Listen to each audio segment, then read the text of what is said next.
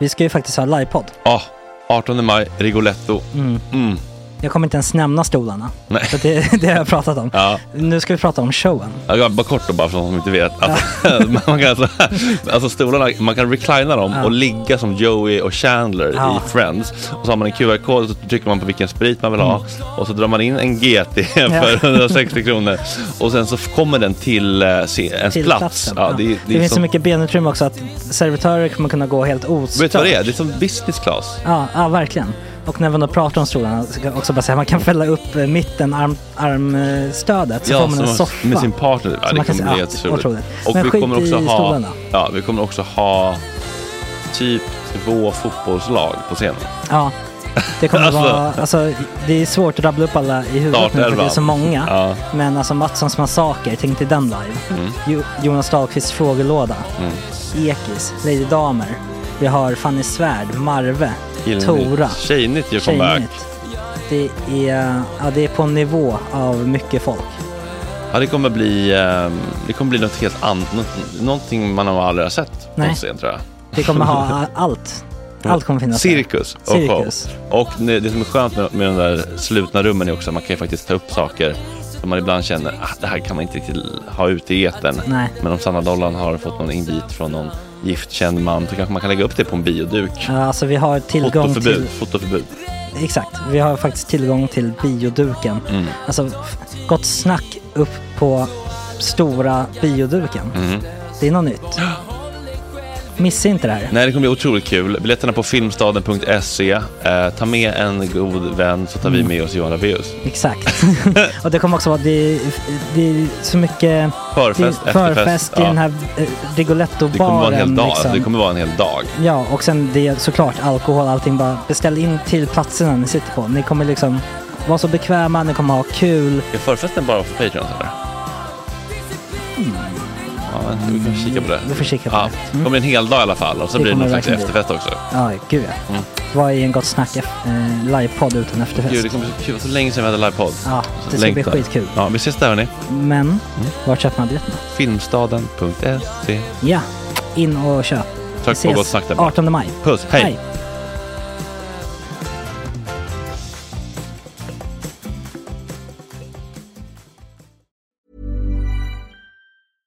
Hiring for your small business? If you're not looking for professionals on LinkedIn, you're looking in the wrong place. That's like looking for your car keys in a fish tank. LinkedIn helps you hire professionals you can't find anywhere else, even those who aren't actively searching for a new job but might be open to the perfect role. In a given month, over 70% of LinkedIn users don't even visit other leading job sites. So start looking in the right place. With LinkedIn, you can hire professionals like a professional. Post your free job on linkedin.com/people slash people today. Hey, it's Ryan Reynolds, and I'm here with Keith, co star of my upcoming film, If, only in theaters, May 17th. Do you want to tell people the big news? All right, I'll do it. Sign up now and you'll get unlimited for $15 a month in six months of Paramount Plus Essential Plan on us. Mintmobile.com slash switch. Upfront payment of $45 equivalent to $15 per month. Unlimited over 40 gigabytes per month. Face lower speeds. Videos at 480p. Active Mint customers by 531.24 get six months of Paramount Plus Essential Plan. Auto renews after six months. Offer ends May 31st, 2024. Separate Paramount Plus registration required. Terms and conditions apply if rated PG. Even on a budget, quality is non-negotiable. That's why Quince is the place to score high-end essentials at 50 to 80% less than similar brands. Get your hands on buttery soft cashmere sweaters from just 60 bucks, Italian leather jackets, and so much more. And the best part about Quince, they exclusively partner with factories committed to safe, ethical, and responsible manufacturing. Elevate your style without the elevated price tag with Quince. Go to quince.com slash upgrade for free shipping and 365-day returns.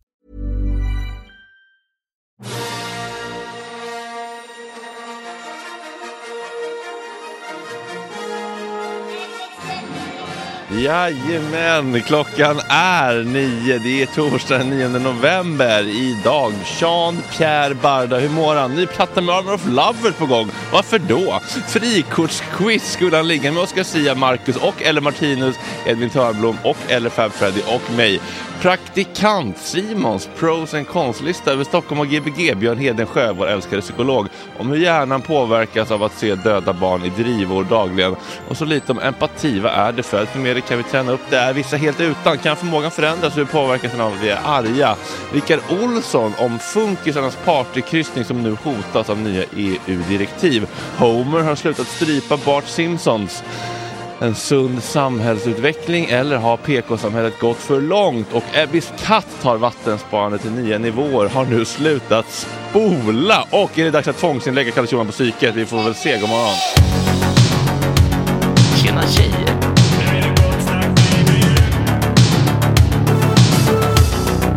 Superrunkaren Gregor.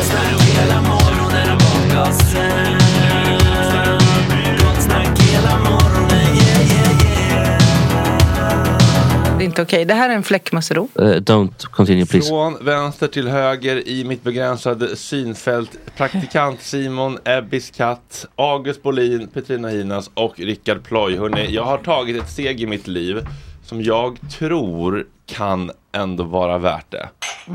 Jag eh, har eh, bett Ploy anlita en städfirma här.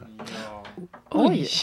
Eh, hur eh, Det ofta? sitter djupt i mig det här eh, som Göran Persson sa i ett herrans liv. Eh, tycker man kan eh, stryka sina egna skjortor och, och så vidare. Alltså, Ja. jag kan städa hemma hos mig själv. Som att, som att det är liksom fult att inte ta hand om sin egen skit. Men tänker du be liksom, eh, städpersonen att också gå upp till dig då när den ändå är här? För det är kanske lite skillnad på att ha någon som städar hemma och på ens kontorsplats. Om Ja. du ska försöka vara lite snäll mot dig själv. Precis, eh, som, eh, precis som när vi pratade om eh, Vad var det vi pratade om, om det med Jesper, Jesper någon gång? Om skillnaden mellan att så här Vad fan var det? Att det är skillnad på att Att han, att han ville bli väckt hem, hemma hos sig Av en praktikant. Av en praktikant Nej, Just det. Men, men så var det ju mycket för länge sedan. Ja, att man sprang upp och knackade. ja, ja, men det har hänt mig också så att det är inget Ja, jo, jo, jo, men det- ja, nej. nej. men eh, och, eh, och det känns så skönt faktiskt. För att eh, jag, jag har ju städat den här toaletten en gång och det var när Anna Björklund skulle komma hit och jag kände Mhm. att det skulle vara fint för henne. Och den smärtan den är inte värd det. Och sen går man där varje dag och skäms och, och tycker, tycker illa om sig själv för att man Mm. utstår sina, att, att ens gäster och sidekicks och kollegor ska behöva vara i den där ammoniakbunkern. Speciellt om Ebba aldrig eh, spolar när hon har varit här. Då blir det liksom... Ebbis och Tore.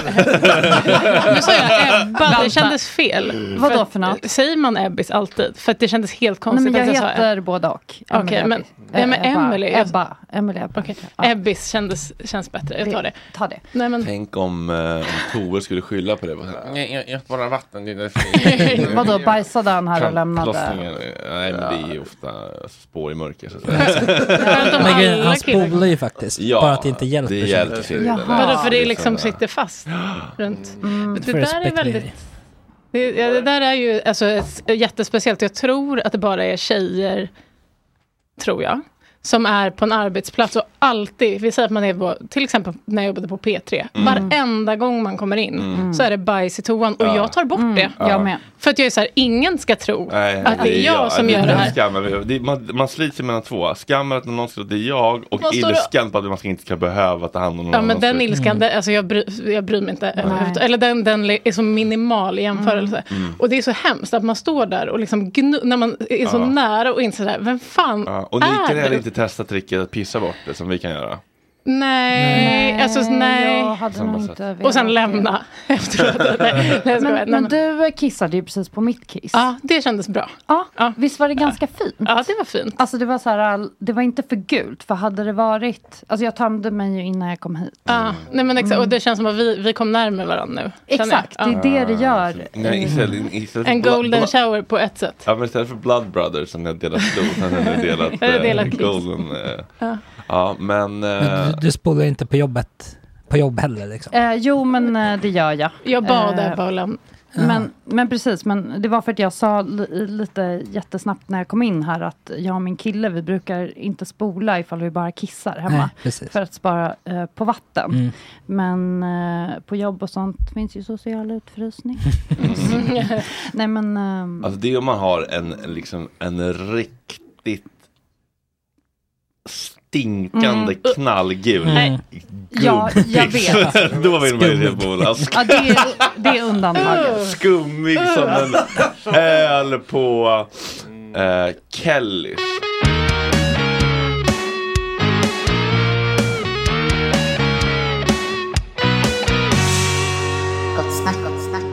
Jag i alla fall tycker det är intressant att försöka förstå eh, vad det gör med en och sådär. Eh, och det, och det, då är väl Björn Hedensjö den ultimata personen att eh, prata med. God morgon Björn. God morgon, god morgon. Fint att ha dig. Mys att vara här. Vad, eh, vad har hänt i ditt liv sen sist? Vad har hänt i mitt liv? Jag vet inte. faktiskt. Jag vet inte. Nej, men bara jobb faktiskt. Bara jobb. Så, Men det är ju kul. Så att det ing, Det går inte- ing, inget gnäll. Det går inte dåligt nu. Nej, nej det gör det Det är inte inte. lågkonjunktur Det- för eh, f- dumma människor. Nästan lite det- provocerande att se Är det det det? Nej. Nej. Det är bara, Nej. bara Ja. kul. Men det känns som att det går ännu bättre sen du var här för tre veckor sedan. Att efter det så känns det som att det är ännu vi, vi mer. har någon konstig liten eh, uppåtkurva nu. Det Plötsligt efter fem år. Sådär. Men, men det är väl bara rida på det. Det kommer gå över. Du kan vara lugn Petrina. Nej, jag, nej, men ja, men jag tänkte att det vore intressant att prata lite grann om om, om, om jag håller på liksom att ehm, men om det är någon slags ehm, någon skada jag kanske gör på mig själv lite grann. Om jag tittar för mycket på, på hemskheter och sådär. Så tänkte jag att man kan rota lite grann i vad empati faktiskt är och vad är skillnaden med empati och sympati och kan man lära sig de här sakerna? Är de medfödda? Kan man träna upp dem? Kan man stänga av dem? Och lite sådana eh, frågor tycker jag är lite intressant att Mm. rota i, i dessa tider. Ni får stoppa mig om ni tycker att det är helt ointressant. Nej, det är jag är jätte... vad, eh, vad tänker du eh, spontant Björn? Ska man börja med att liksom vara så basic och försöka prata om vad det är typ? Ja, Kan man vara så basic? så basic kan man absolut vara. Eh, det blir som ett dumma människor, jag, känner, jag kommer direkt in i dumma människor-mode här. Så att, hoppas att lyssnarna står ut med det då. Nej, nej men det finns ju två typer av empati brukar man prata om. Kognitiv empati som är att man kan tänka sig hur någon annan Mm. har det. Eh, Fredrik är säkert, eh, han har säkert haft en kul morgon för att han fick träffa mig. Ja. Eller så. Ja. Ja. Nej men att man bara kan ge sig in i någon annans huvud och, och se vad de föreställer sig och sådana saker. Mm. Theory of mind är ett annat sånt flott ord för det. Och sen så har vi det som kallas affektiv empati som är mer att jag känner din smärta. Ja. Alltså den grejen. Sådär. Är det första lite mer åt mentaliseringshållet? Ja, precis. Mm. Mentalisering är ett annat ord för det. Mm. Så det, det, det är de två eh, grundtyperna som finns. Och du sa sympati då, Mm. Vad, vad är det? Det finns en, eh, en psykolog som heter Mark Davis, han brukar prata om något som heter eh, empatisk omtanke. Och det, det är en typ av empati också då som är, som är, som är mer att man, att man kan känna med någon utan att ta in all smärta. Och, och det är en ganska viktig färdighet. Jag tänker jag som jobbar som terapeut till exempel då. eh, folk brukar fråga hur, eh, så här, tar du inte med massa saker hem och liksom, må- mår du inte piss av allt jobbigt du får höra? Och, sådär. och typ nej, eh, det gör jag inte. Det, är- det är ganska sällan jag tar med någonting hem och så. Men däremot kan jag vara väldigt medkännande i situationen. Och, och det är väl någon typ av, inte ideal kanske, men det är väl bra om man har den färdigheten i alla fall. För att annars kan det bli så himla överväldigande med, med all smärta och allt jobbigt som man ser. Verkligen. Jag känner, jag har gjort det lite sen um, Ukraina-kriget. Mm. Ja. För där började jag med att verkligen konsumera allt. Och började föl- följa alla konton som uppdaterade med bilder och allt sånt där. För det kändes så himla viktigt att hänga med. Men sen så kände jag att man mådde så dåligt hela tiden, typ. Och sen dess har jag, liksom inte återhämtat mig från det än. Så därför har också den här nu pågående eh, kriget i Gaza också liksom gått lite under den radarn för mig. För jag vill inte hamna där igen när det bara blir liksom ens allt hela tiden. Mm. När man bara går runt med en jobbig känsla liksom. Så det är väl någon sorts självförsvar typ. ja. Men Fredrik, berätta lite om hur du har gått in i det här. Nej, men jag har ju inte riktigt haft någon strategi utan jag har ju bara liksom följt eh, mer och mer och mer konton och algoritmer bara matat matat med mer och mer tills jag bara liksom har blivit helt eh, eh, drabbad av det. Eh, Och det drabbar ju liksom min omgivning också. Det är väl därför jag vill liksom prata om de här ämnena för att försöka förstå vad det är som händer. Men, eh, men... eh, m- Det är Bruce. Jaha, det är Bruce som suger på ja, jag undrar vad fan det är som gick du liten ljud? På tal om Syntolkning. Fredrik ser höggravid ut också och så låter det från hans Men, mage. Mm. Men, men, men, men föds vi med det här? Är vi liksom superempatiska när vi föds eller är det något vi tränar till oss? Det är mycket medfött, ehm, skulle jag säga. Ja, I princip allt är ju både och, men, men det här är en sån grej som är mycket, mycket medfött. Faktiskt, alltså en personlighetsfråga. Sen så kan man också, man kan påverka det själv. Mm. På Hur då? olika sätt. Nej men, eh, är det, känner ni till begreppet hyperempati? Eller har ni hört det någon gång? Hyperempati. Det låter som en tjej som har det jobbigt. Ja, ish.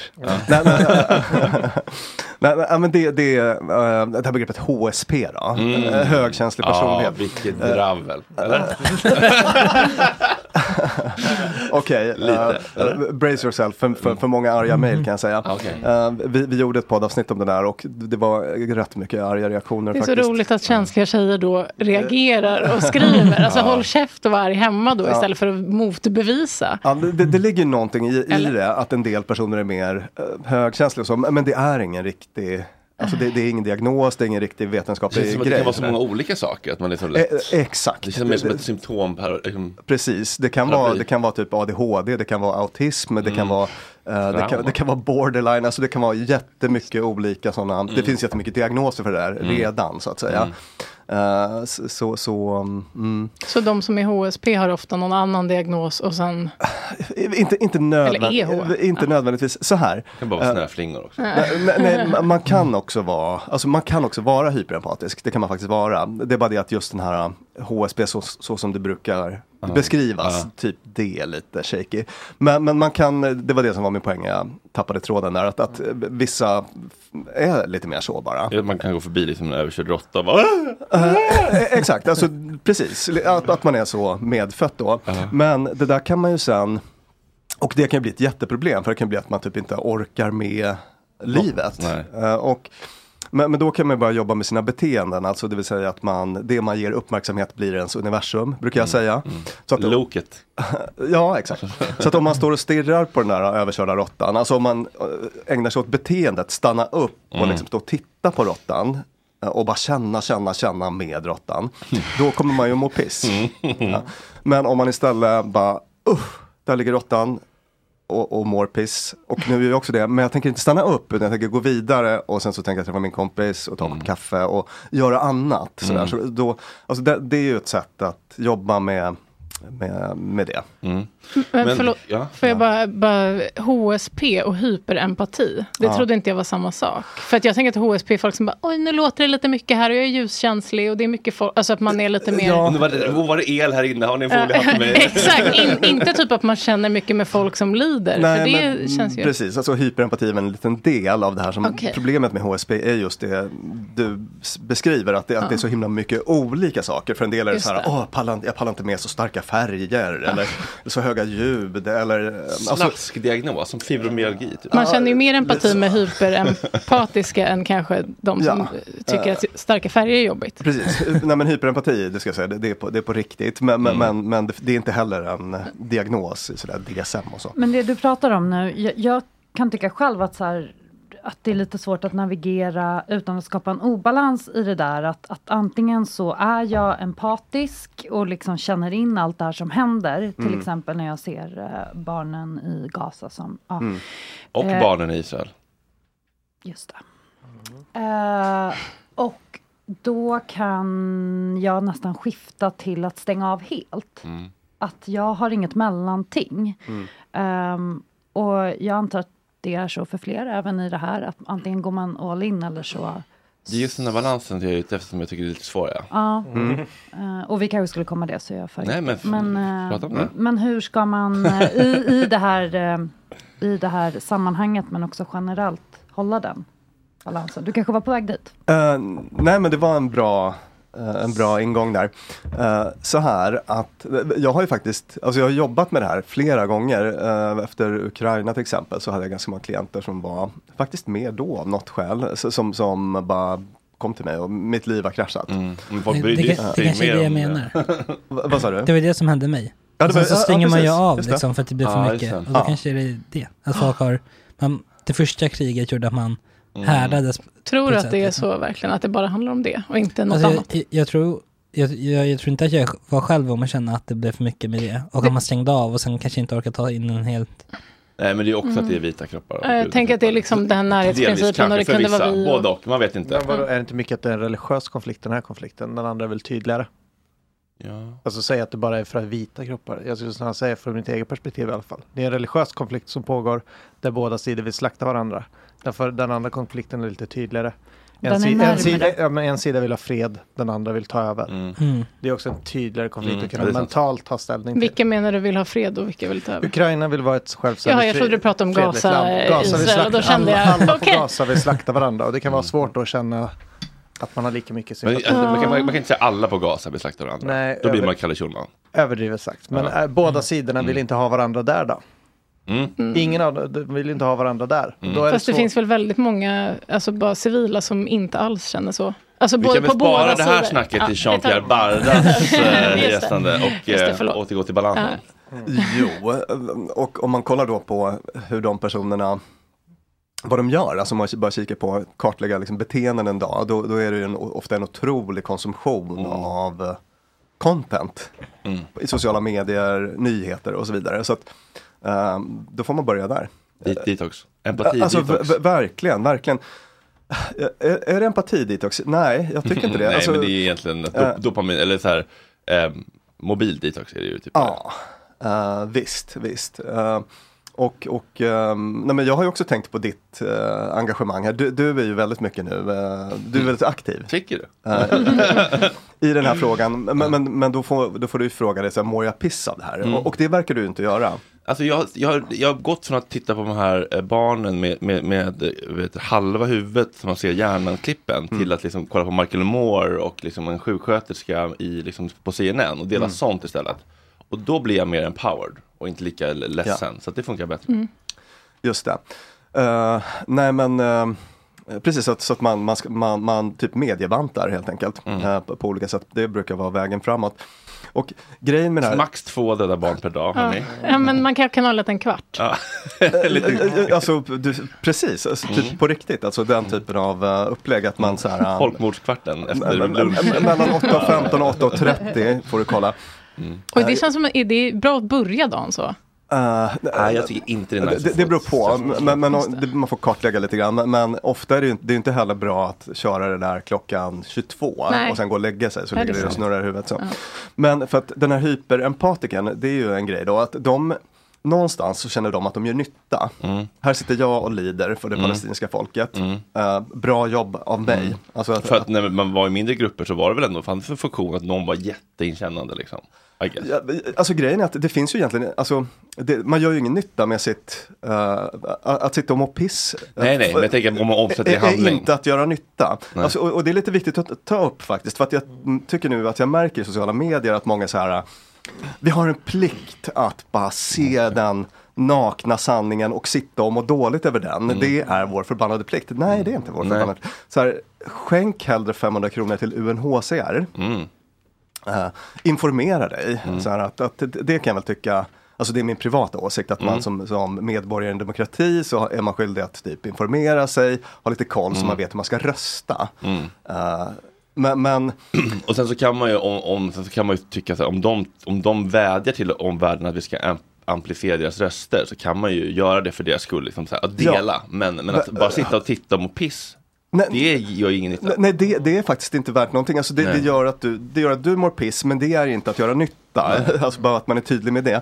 Eh, d- d- Däremot att liksom se vad som händer, bara fuck det här funkar inte, jag, jag behöver agera, jag behöver så här, kanske bilda opinion, det är väl det du gör. Ja, förhoppningsvis. Och jag tror att jag hörde i uh, Rullar vi att, du beskrev så här, eller vad det var någonstans, i någon av dina kanaler så sa du att ja, men jag tänker att man kanske kan påverka politiker Så, så- alltså, var, du hade en sån Ja, men opinionsbildare alltså, i det. ja. Och det är ju så här, uh, committed action, det är att liksom göra, det är att göra något. Och det, det brukar vara ganska bra ångesthantering, att Mm. eh, liksom agera på det sättet. Så. Man, men, men, men, men bara det här, sig att man gör någon slags förändring eller? Ja, verkligen. Men, men den här idén att man ska bara ta in saker och sen sitta och må dåligt för andras skull, det är ju det är egentligen ingenting värt. Nej, Eh, verkligen inte. Sådär. Mm. Kan man träna upp sin empati på något sätt? Om man känner sig, fan jag är en oempatisk jävel. Eh, ja, det, det, det, jo men det kan man göra. Det kan man göra. Gör man det då? kan man göra. alltså jag tror att vi har ju det i vår mänskliga källkod, alltså vi har det i vår så här, grunduppsättning. Så Ted Bundy hade lite för lite av det. Han bara. hade för lite, lite för lite av det. Mm. Alltså vi har ju hela den här äh, mörka triaden, de här n- någon procent av befolkningen med antisociala tendenser som medfött in, inte har det här. Äh, psykopater och så vidare. Jättejobbig grej ju. Ja, då, det är ju rätt värdelöst för alla inblandade. Äh, Men inte för dem ju.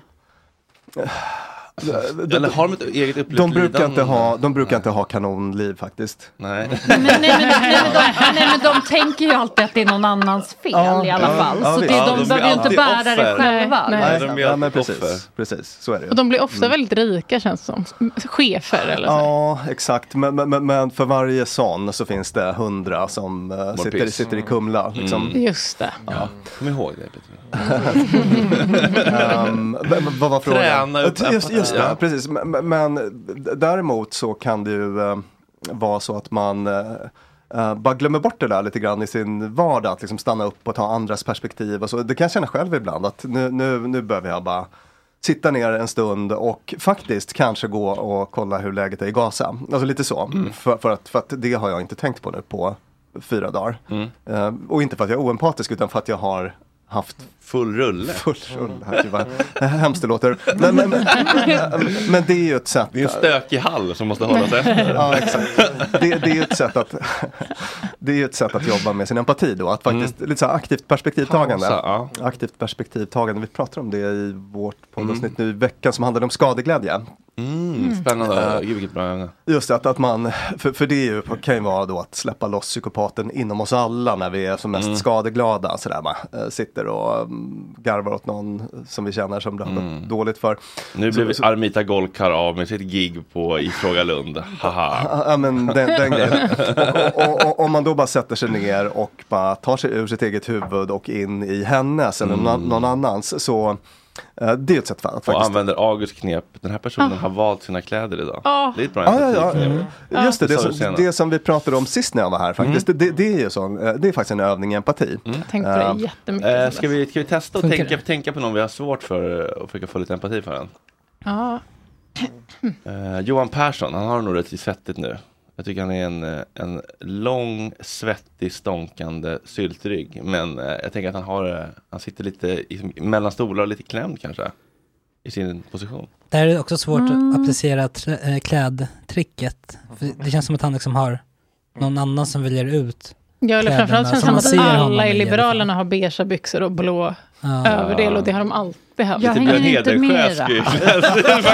Jo, okej, men, men, men typ att om, man, om någon är elak mot den, det var ju det du sa eh, för några veckor sedan då, att då ska man tänka sig, tänk att den här personen har liksom valt sin outfit på morgonen och då blir den ganska liten och Sårbar. gullig på- och sårbar på något vis. Och så pratade vi väl om att man ska tänka att man tittar in genom ett nyckelhål och någon sitter och dinglar med fötterna på en stor säng. Alltså att man, att man också då blir ganska, Eh, Åh men gud, jag tycker bara det är vägen in till medberoende. Ja men, ja man just får ju det. hålla isär det där lite grann, eller Björn? Ja. Så att man inte börjar ta ansvar för Kolla, andras Jag ser känslor. alla i liksom. garderoben på morgonen.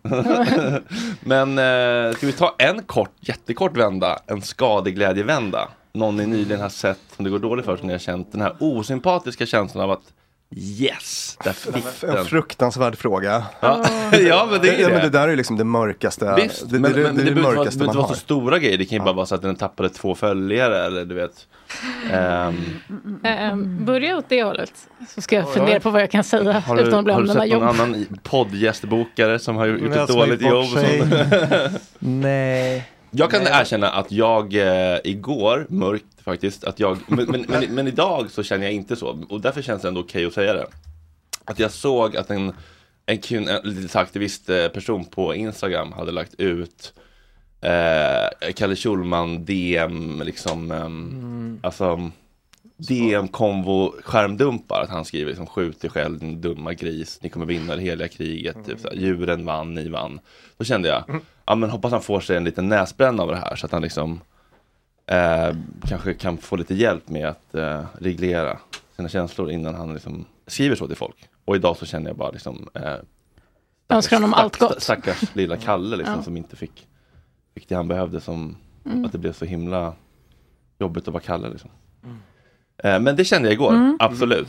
Nu, Och grejen är att det är väldigt normalt att känna skadeglädje. ja, det borde också normaliseras så länge ni inte agerar på det. Det, det borde verkligen normaliseras, absolut. Så att inte folk känner sig liksom konstiga. Som har det- psykopater där ute. No, utan det är någonting som precis alla känner. Frågan är vad man gör med den känslan Precis. sen. Så är, ska jag vara kvar i den hela eftermiddagen? Det tycker jag kanske inte att man ska, utan då ska man försöka komma till den där andra tanken. Och, Ja. Men det är alltid det tycker jag som är så här, så länge vi liksom bara så här, att, att tänka och känna saker, det kan aldrig vara farligt. Det är ju vad vi gör med den känslan som, som Mm. är viktigt ändå. Så här, och, det, och det blir också lite det här med kriget, så här, intentionen är inte folkmord. Men, ah, skitsamma. Mm. Eh, någon skadeglädje? Eh, alltså jag vet inte om vi ska diagnostisera mig som hyperempatisk nu, men jag kommer inte på någonting. Nej, okej. Ebbe? Nej, ja, alltså jag, eh, en kompis till mig eh, skickade en skärmdump på, från poddindex. På en podd som det inte längre går lika bra för. Eh, där den, en av de personerna har varit väldigt taskig mot mig och lite andra. Och då kände jag, mm. Ja, gud vad härligt. Kanske är Jag, lite nu känner jag karma. skadeglädje till den här personen. Ja, Eller då för. kände jag bara, Rätt åt. Ja, rätt åt. Mm. Jag hörde om Eh. en våldtäktsman som inte längre får så mycket jobb inom media. Det tyckte jag ändå kändes bra. Yes. Det är empatiskt. Eh, Agge? Mm. Jag sitter och tänker allt vad jag kan. Ja, på olika ljudtekniker. Men, när, när SR gör tjejnytt och är cringe. Så kan jag få lite så här, då kan jag det är bli- lagom. Det är så här lagom att vara så här, Ja, så det är dum, P3 tar tjejnytt och så gör de det riktigt dåligt. riktigt dåligt. Och så känner man så här, ja, Ja. ja. vad tönt den är. Mm, nu gjorde ni bort Ja, det. det gjorde bort det. Ja. Ja. Det så här lagom. Men det är liksom, ja, det, är ändå en, en där är det är ändå liksom sparka uppåt Sparka lite uppåt, grann inte mot huset liksom. Ah, Okej, skitsamma. Eh, vidare i empati, ehm, eh, empatispåret då. Eh, det finns det liksom nu såg jag den här, finns det, det här blir en väldigt random fråga, men nu såg jag den här nyheten om de här funkisarna som eh, kanske inte får göra sin kryssning. Skadeglädje. Nej, men- nej, det, nej, men det känns Nu, nu vet jag, nu det känner jag. känns som att funkisar är väldigt empatiska, men det kanske bara är fördomsfullt. för Alltså vilken, menar du alla som har svårt att gå typ? Eller menar du, alltså bara alla nej, nej, funkisar? alltså de som har lite så, alltså, alltså i, i, inte i kroppen utan i skall, alltså, Yes. det blir lite down, så så här. de Okej, känns ja, väldigt, jag tänkte att det... men det är kanske bara, ett- kanske en fördom bara. Det kan vara. Jag, jag, jag är verkligen ingen expert på det faktiskt. Ehm, Men ehm, de, de är väldigt varma och, Och glada, ja, och glada och sådär. Det känns ju väldigt Klappar mycket. Ja, men det är inte så mycket liksom Just, mask. just för downs alltså. Ja, precis. Det är inte så mycket mask. Det är väldigt rena känslor Mm. på utanpå liksom. Men, och det kan man ju det känns ju sympatiskt i alla fall att vara så. Ja. Eh, jo, eh, jag har också skrivit här, hur påverkas vi av att se döda människor på löpande band? Vad händer med våra hjärnor av det? Eh, ja, alltså man blir väl kanske avtrubbad så småningom. Alltså, men det som händer är att man får, man, man får en stressreaktion. Uh, alltså det, det är egentligen någon typ av akut stress man ofta jobbar med. Mm. Uh, stress, ångest sådär. Med- med, med klienter eller patienter som har hamnat i det där. Alltså så, stress, stresspåslag. Ja. Och sen så avtrubbas kanske efterhand då, då eh, om, man, om man får väldigt mycket av det. Mm. Eh, Och vad är det? och, och det är en rimlig reaktion. Det, Ja. det, det är ju så, att- så att man vill ju ha den här, alltså, det, det, det, är ju- det är ju sunt. Att, att vi börjar Ja. se döda människor och, och bara här, ja, ja. vidare. Det blir Ja. också en konstig person. Ja, ja. Eh, och vad finns det för eh, negativa hälsoaspekter av att vara i ett konstant stresspåslag? Massor. Eh, nej, nej men uh, långvarig stress, det är ju jätte, finns ju jättemånga olika hälso, hälsoproblem kopplade till det. Alltså på sikt ökar ju risken för sånt som alltså hjärt-kärlsjukdom, eh, diabetes typ 2. Mm. man blir mer sårbar för depression, man får sömnproblem. Uh, också hela metabola systemet, alltså matsmältning och sånt där. Man kan bli lite tjock. Ja, och lite bullrig IBS. Nej men nu måste vi. Huden, brukar, det brukar synas på huden. Ja. Sådana grejer. Så att det, finns, det finns mycket dåligt med det. Mm. Mm. Jag hade eh, en fråga till dig nu som också, det eh, har ändå med empati att göra. Mm. Alltså jag drömde i natt, eh, inte om min förövare, men att jag var han. Oj. Alltså att jag hade hans egenskaper Wow. som var det här empatilösa. Som var att jag exempelvis eh, skällde ut eh, en eh, servicepersonalsperson. Bruk, är det här en person som brukar göra det också? Eller? Eh, ja, ja. eller Ah, brukar. ah, nej, jag, jag vet inte hur ah, hans liv ah, ser ut idag. Men eh, jag drömde liksom att jag agerade som honom. Eh, Hur I var den det här då? drömmen på olika sätt. Alltså att jag eh, eh, tog mig rätten att skälla ut någon som jag ansåg hade eh, behandlat mig fel, men som absolut inte hade gjort det, som kanske hade råkat trampa på min fot. Jag minns inte vad det var, men det var någon typ av så här, Mm. fysisk... Ja. Ehm, och att jag... eh, Och hon blev väldigt ledsen av min utskällning. Och ehm, eh, inledningsvis i drömmen så kände jag ingenting. Men sen var det som att jag då eh, lite senare i drömmen kom på det här och drabbades av väldigt mycket skuld. För att jag blev mig själv igen. Det var som att vi var en och samma person. Mm. Ehm, vad betyder det? Drömtidningspodden. Eh, Men kristallerna. Vi har lite Men gud, vad, vad, vilken sjuk dröm. Eller liksom, det Eller måste ha varit hur? jättekonstigt. Hur kändes det efteråt? Alltså när du Eh. vaknade, var det liksom en mardröm eller var det? Sjö- Ja, gud ja. Alltså det är ju jätteläskigt att, att drömma om honom. Men att vara honom var ju en helt annan, eh, eller att vi var samma, var ju en ny nivå av det. Och så tänker jag bara, är det här ett, är det här ett tecken på progress? Att jag börjar få distans? Eller är det degradation? Eh, ja du, alltså. ehm, bra fråga. Det, det betyder väl att du fortfarande processar på något sätt i alla fall. Eh, Ja, det är väl det. tänker jag. Brukar ju vara så. Ja. Men um, vad intressant. Det skulle man ju vilja prata mer om. Eller hur? Vi får göra det sen. Ja. Ehm, jag har en fråga om, ehm, om liksom kollektiv eh, empati. Om man kan prata om det. När, när jag hör såna här nyheter så blir jag lite orolig för den. Vill du sätta på dig hörlurar Björn, bara så att du hör eh, Ja. ljudklippet? En 13-åring som har mördat ska låsas in på livstid. Det säger Sverigedemokraternas partiledare Jimmy Åkesson i Ekots lördagsintervju. Min inställning är att är man tillräckligt gammal för att begå ett grovt våldsbrott då är man också tillräckligt gammal att ta konsekvenserna eh, för det brott som man har begått. Och då tycker inte jag att ålder i sig egentligen är så stor, har så stor betydelse. Vad känner ni? nu? Hör det? Eh, sjukt, såklart.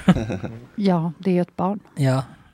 Det är Verkligen. väl ändå fortfarande ett barn, 13-åringar? Gud ja. Det Ja. måste vi väl ändå kunna Gud. fastslå? Enligt någon slags jävla li- Genèvekonvention. ganska litet barn på något sätt också. Eller hur? Hur Ja. gamla är dina barn? De är 12 och 15. Ja. Mm. Tycker du att 12-åringen är ett år från dödsstraff? Eller livstidsstraff? Nej, Fredrik. Nej.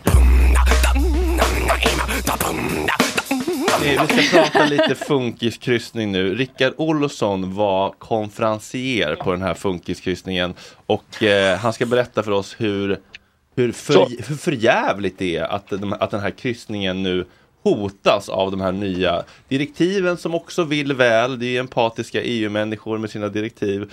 Men eh, Rickard Olsson, kan du förklara vad den här funkiskryssningen är, hur länge den har funnits, eller vad vet du och varför ska den sluta och varför är det för jävligt? Och god morgon kära du, hur mår du?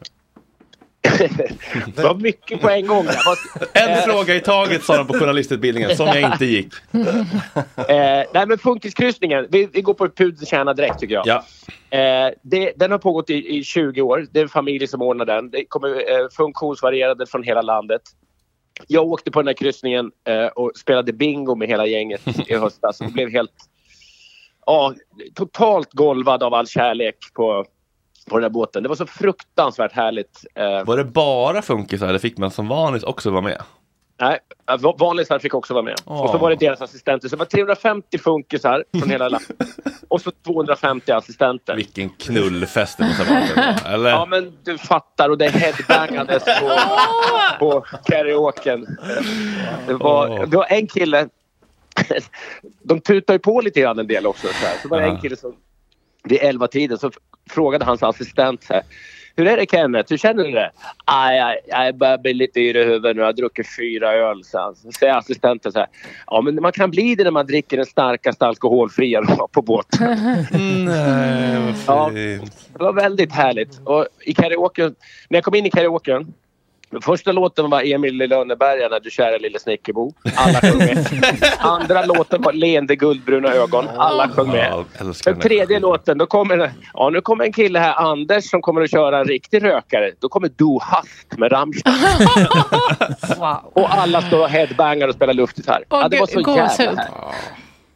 Och vad är det som händer nu då? Ja, nu kommer det. ett- Det här, det, det här får ju alla de göra för att vi har LSS, lagen bästa.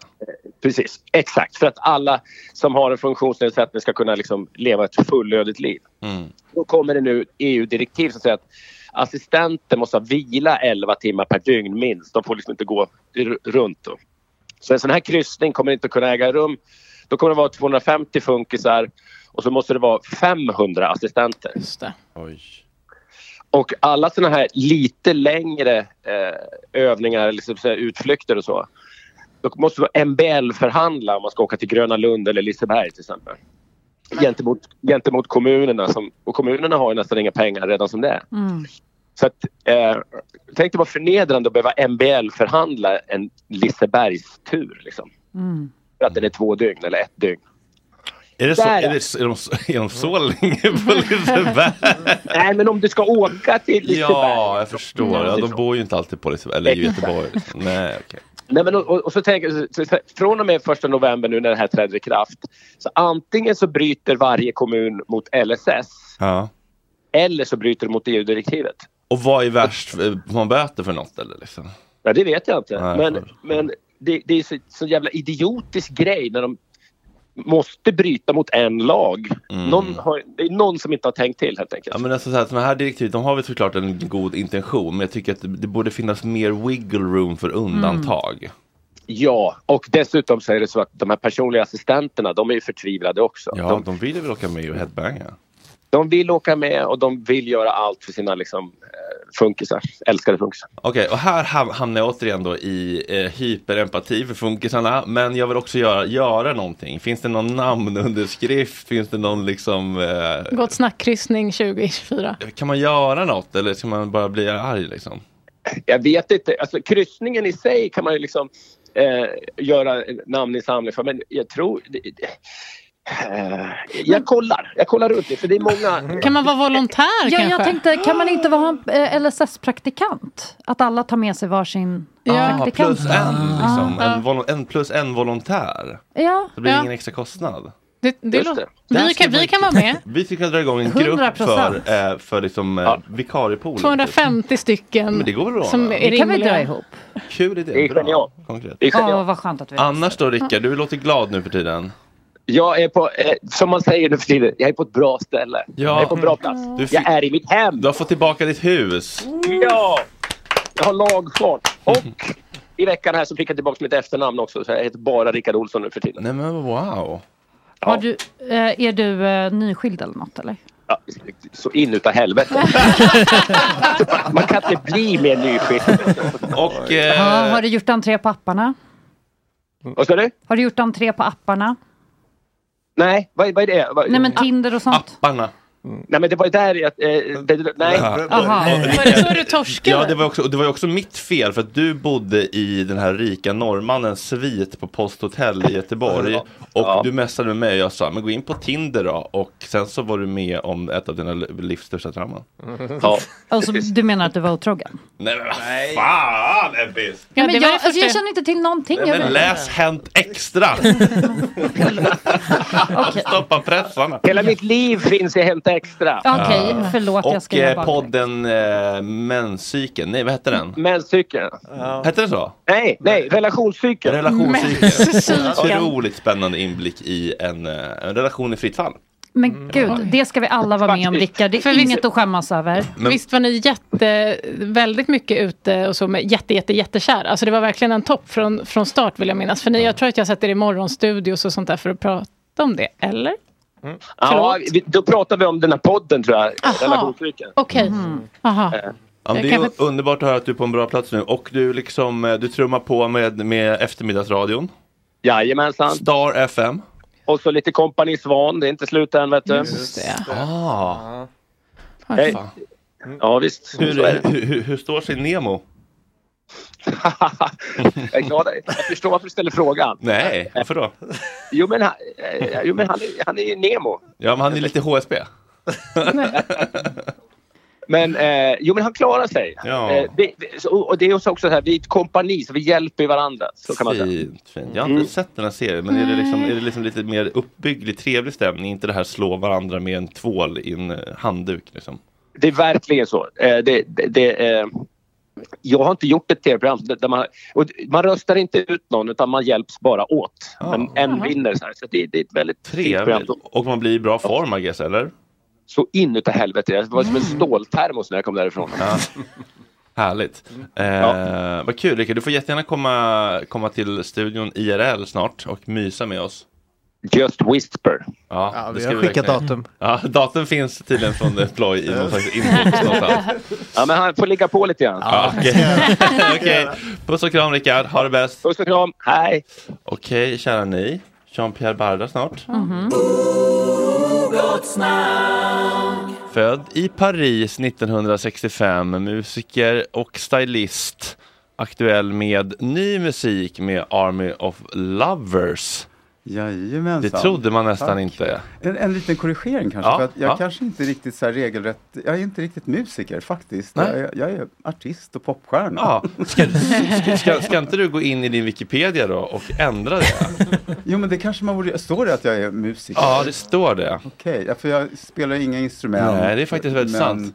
Jag väl- skriver texter och jag sjunger. Det är väldigt intressant det där vilka som på Wikipedia blir musiker och vilka som blir artist. Ska vi testa någon bara på skoj? Liksom så här. Om jag tar, eh, jag tar Taylor Swift, då tror jag kan jag ge mig fan på att det kommer stå artist, eller hur? För hon, ja, Eller? Där borde det stå musiker. Ja. För Jag hon tänk- skriver ju själv och Ja, spelar själv. Fast jag tänker att så här, tjejer generellt kanske blir mer så här artist än vad de blir beskrivna som musiker. Ja, det låter ju horribelt gammaldags. Ja, men jag kan tänka mig att Eh, lite Tradition som håller i otippat faktiskt. Amerikansk popsångare och låtskrivare. Mm. Singer-songwriter. Ja, precis. Det är det. Översatt till svenska. Mm. Mm. Om vi tar Elvis Presley då, eh, Augusts favorit, vad tror ni då? Ja, men han är, han är ju artist. Men det är alla de här är väl det, eller liksom? Jo men för han eh, skriver, jag vet inte, han skrev inte låtarna själv. Nej. Men han, framf, han framför ju, med- han spelar ju gitarr, Precis. men han, är ju, han ju, var ju med ett fenomen. Så musiker och eh, Artist. stjärna. Konstprojekt. Inte singer-songwriter på honom tror jag. Amerikansk rocksångare, musiker och skådespelare. Jag tycker, Ja, just det. Ja, musiker också. Men Inte rocksångare känns ju... Men om vi testar att ta då Alexander Bard då, som ju också är med i bandet. Vad står det då på honom? Han har ju fler strängar på sin lura förstås. Men då står det svensk artist. Är det det första som Musikproducent. Ja. Artist, musikproducent, författare och samhällsdebattör. Inte Men han har säkert varit inne och ändrat så du kan också gå in och ändra. Ja. Vad står det på Dominika? Ja, bra, bra där. Ba, ba, ba. säkert entreprenör. Polsk, svensk artist. Och fru. PR-strateg och skribent. Ja. Lite orättvist detta. Ja, verkligen. Ja. Här, Mm. Okej, men så då korrigerar vi. Jag är som sagt inte musiker Ja. då. Men Ebbes, har du en... Eh... popstjärna kan vi lägga till. Ja, men tycker jag. Ebbes, har du en eh, Wikipedia? Men jag har ingen Wikipedia. Ebbis katt har ingen Wikipedia? Nej. Emily Rosen? Nej. Ja, jag, jag blev faktiskt lite glad att jag har den nu efter många år. Äntligen. Vad står det på din? Eh, ja, det är en bra fråga. Eh, eller bra fråga. det- Hyperempatisk. Eh, är en hyperempatisk medieprofil, min, äh, svensk medieprofil och poddare. Mm. Poddare är ju, ja det låter lite Jag har, gått in, jag har gått in faktiskt och korrigerat några grejer. Det är många år sedan. Du har gjort det? Eh, ja, jag var yngre. Eh, det stod att jag var född 67. Ah. så tänkte jag så nej men Gud, jag, jag är stolt över min ålder ändå. och sen så stod det att jag hade varit drottningens eh, frisör. Och det stämmer ju absolut inte. Det var kronprinsessan. Eh, det stämmer inte heller. Däremot har jag varit assistent. Jag jobbade ju Ah. på Björn Axén och var assistent till Björn på den tiden. Mm. Då fick jag ju följa med och assistera. Det betyder att man står och räcker nålar och hårspray och kammar och så. Ödmjukt av dig Ja, ändå. ja. Att, inte, att liksom gå in och ändra det. Nej, nej, nej. nej. Nej, jag, var, jag sträckte nålar. Okej, Så kungen, eh, han åker inte till frisören, frisören åker till kungen. Ja. Det kan man ändå tänka sig. Man glider inte Men- in på Björn Axén under Åhléns City liksom på med, plattan. med tiara och krona och allting. vad, vad står det på Camilla då? Eh, ja du, uh, utförsäkrad, psychic i gott snack. Eh, sångare, skådespelare, fotomodell, författare, politisk aktivist och föreläsare. Oj, hon var ju bäst av alla. Jo, Eller liksom- men det, det stämmer väl. Mm. Ganska bra Ja. där. Vilken skulle du säga är den vanligaste missuppfattningen om dig som har florerat under åren? Oj, ja, det var en bra fråga. Ehm, jag tror att man tänker sig, alltså, ja. ja, förut fick jag alltid höra så här, men gud vad snäll du är. Så, eller vad, Mm. vad trevlig du är. Mm. Så att, och då utgår man från att då kanske de inte tyckte att jag var så trevlig eller så snäll då. då. Nej men kanske att, eller- att din, vad ska man säga, din karaktär eller Ja, liksom vad precis, du utstrålar i som artist. liksom att divig. man tänker att, Mm. ja men precis, Ja. att det är något sånt. Ja, så. men det är lite min bild också av hela gänget faktiskt. Att det är lite, alltså, superstar. Det gillar man ju. Diva. Ja, Ja. fa- fast det är ju mycket så här, alltså det gäller att veta när man är superstar och när man inte är superstar. Mm. Alltså man är inte superstar när man eh, kliver in på, eh, när man liksom Ja men som här till exempel så är det lite både och. Alltså det är superstar men sen när mikrofonen åker av då är vi liksom eh, då jobbar vi ju. Då är vi Mm. liksom någon slags kollegor i mediasvängen. Mm. Liksom. När har du känt dig som allra mest superstar? Eh, oj, det, ja, vet du vad? Det är två gånger. Mm. Det var, eh, vi har ju varit, eh, gått catwalk för Jean-Paul Gaultier Mm. våren 92. Vem är det? Jean-Paul Gaultier? Mm. jag vet, eh, en, en, en, en eh, sömmerska. Ja, jag tänkte, det kändes som att det var något i, i kläder. Det är, ja.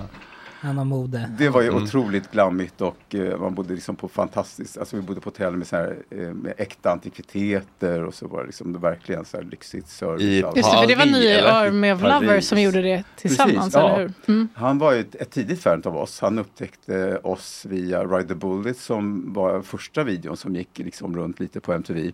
Eh, och redan där liksom var intresserad och, och hade kontaktat oss. Och sen så kom ju Crucified och allting hände och då var ju ännu mer. Så. Eh, andra gången var i Volgograd eh, och det var så här lite surrealistiskt.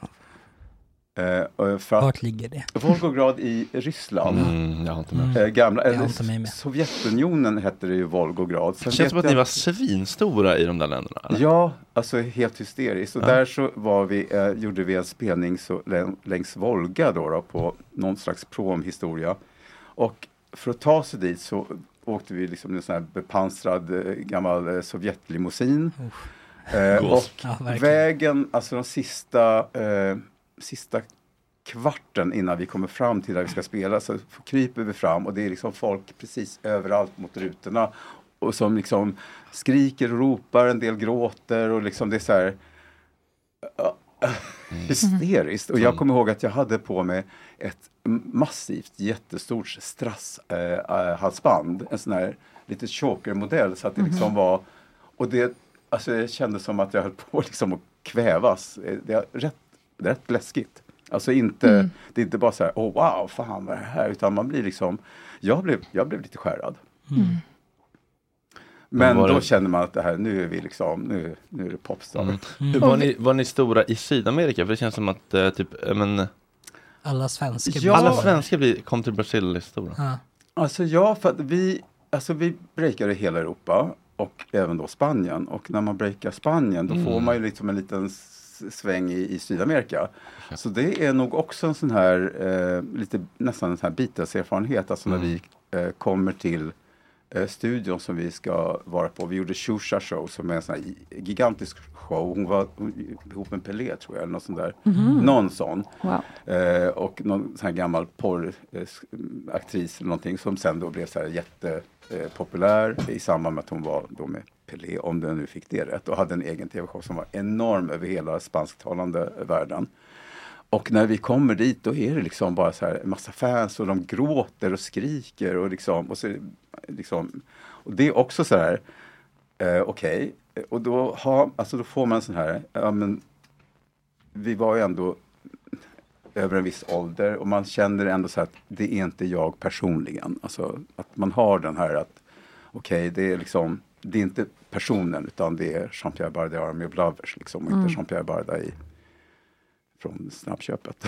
Men har du upplevt då någon gång någon slags baksmälla från att ha varit på toppen och liksom ha väldigt mycket bekräftelse och uppmärksamhet på dig och sen svalnar det lite? För man kan ju inte alltid vara där uppe. Nej, det kan man inte. Och absolut, alltså jag brukar nästan känna så här baksmälla direkt efter en stor spelning, eh, även ibland. Eh, Kanske efter idag, en stor radiosändning. Ja, ibland efter, ja, men ibland efter en lång intervju och man bara har pratat om sig själv. Dels så brukar jag säga så här, det är som, man får en överdos av sig själv. Eh, och det är också lite sådär, det är svårt att handskas med. Det är en slags bakfullhetskänsla också. Men när man har gjort en sån här stor grej eh, och sen kommer hem till hotellrummet och det är tyst och alla hemma i Sverige sover och man har liksom ingen att prata med.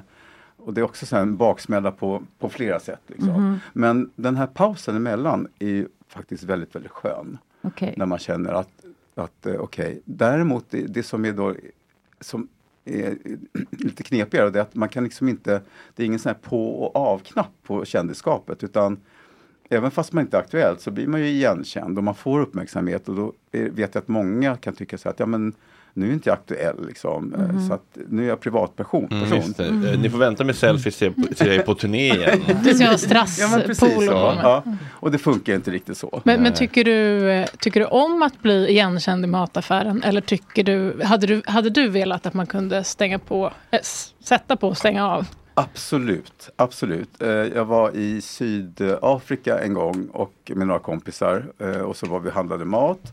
Och vad man får när man är i de här situationerna är att man får lite, så här, lite tunnelseende när man är ute bland, bland liksom vanligt folk, om man ska säga så. för att man liksom inte, nej men för att man inte ska liksom, folk tittar på en så här, man, man stänger av till slut och så ser man liksom bara framför sig så här. Man vill inte uppvigla eller uppmuntra. dem Ja, och sen är det också ett sätt att liksom inte, ja, en slags att ändå skärma sig lite. Mm. Eh, och vi och handlar och sen när vi kommer därifrån så men gud vad heter den här killen, han var så jätte på G på dig. Så, Va?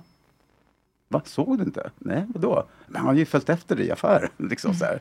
Nej, jag såg absolut ingenting. Och då blev jag medveten om att jag går med de här äh, skygglapparna. skygglapparna Kan du liksom. ibland eh, tröttna på dig själv? Absolut. Absolut. Flera gånger om dagen. Vad kan du tröttna på då? då? Nej, men jag vet inte. Alltså, jag är inte... Det blir så tjatigt. Men kan du, tröttnar du på artisten eller på dig själv? Kan du då säga, äh, men det där är bara artisten, nu är jag istället? Ja, jag önskar att jag det, Man borde kunna skilja det Äh. så. Det är inte riktigt att man gör det. Men, för det blir som helhetspaketet. Men... eh, Ja, nej men... Vad är det dummaste du gör på daglig, eller som, eh, som återkommande grej? Oj, eh, ja, oh, gud. Var ska jag börja? Mm, vanor, beteenden. eh. Alltså jag har ju jättemycket, jag har ju lite så här OCD eh, eh, så här, grejer att eh, kuddar måste puffas. Och ju mer jag är stressad, ju mer måste jag puffa kuddarna. Eh, alla etiketter hemma hos mig, om man öppnar kylskåpet eller skafferiet så är alla etiketter framåt, även i badrumsskåpet. jag ehm,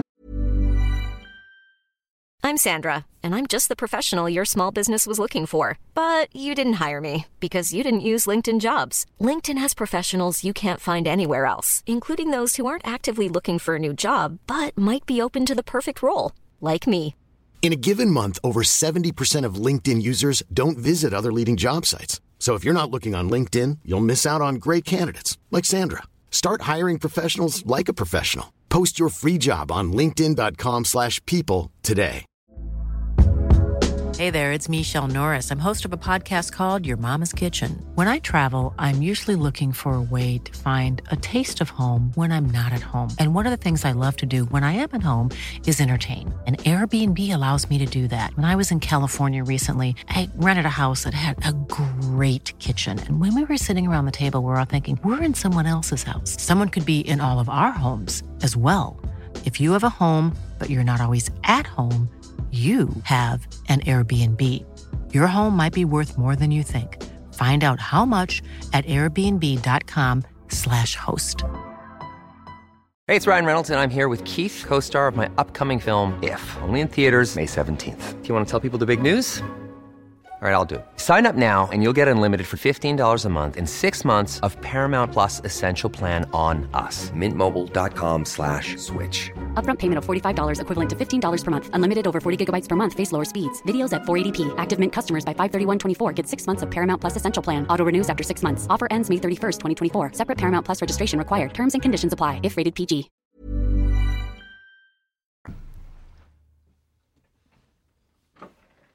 Jag kan vara lite väl p- pratsam ibland. Vad är det du kompenserar för när du eh, vänder etiketterna? Jag vet inte. Jo, alltså det är lite för att skapa... Det är, alltså jag är, ja, det är svårt när det blir för rörigt omkring mig. Då har jag ju svårt att fokusera. Nu fick ju jag en ADHD-diagnos i somras. Mm, grattis. Efter två års väntetid. Ehm, och det, så här, Och du gjorde den liksom via reguljär eller primärvården? så Ja, säga. precis. Två år alltså? Mm. Lite drygt två års väntetid. Wow. Mm.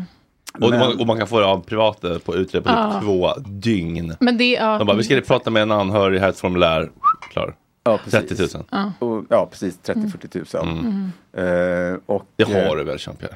Eh, jag tyckte inte det till det här. utan- Nej men jag har ändå betalt skatt hela Ja, mitt liv. så här, visst, så. verkligen. Men att det här är ju hela och då världen. fick du inte liksom glida förbi artistkön lite sådär? Att du Nej, kunde? Nej, bara, jag går i Petterkön här med Viktor Frisk och Alla dampisar som var... I, I den här ADHD-utredningen då, då får man ju eh, ta in en liksom, närstående som blir intervjuad. Vem valde du? Eh, min, eh, min brorsa som, han, brorsan som är närmast mig. Mm. Okej, oj, vet du vad han sa? Eh, ingen aning. Men nå- det är någonting bra eller dåligt då eftersom att du fick diagnosen? Precis, det beror ju på hur man ser det. Och jag har ju då fick, jag har ju en variant som man förr kallade för ADD. Så att, Mm. Utan det hyper. Ja, så att i alla år när folk har sagt, alltså jag har ju fått då i samband med läkarkontakt eh, kontakt så har det spekulerats i att ja, men det kanske är ADHD. Så här, nej men absolut inte, jag har nog motsatsen till ADHD. Jag kan Mm. sitta i ett hörn, tyst med mig själv, som jag gjorde ofta när jag var liten.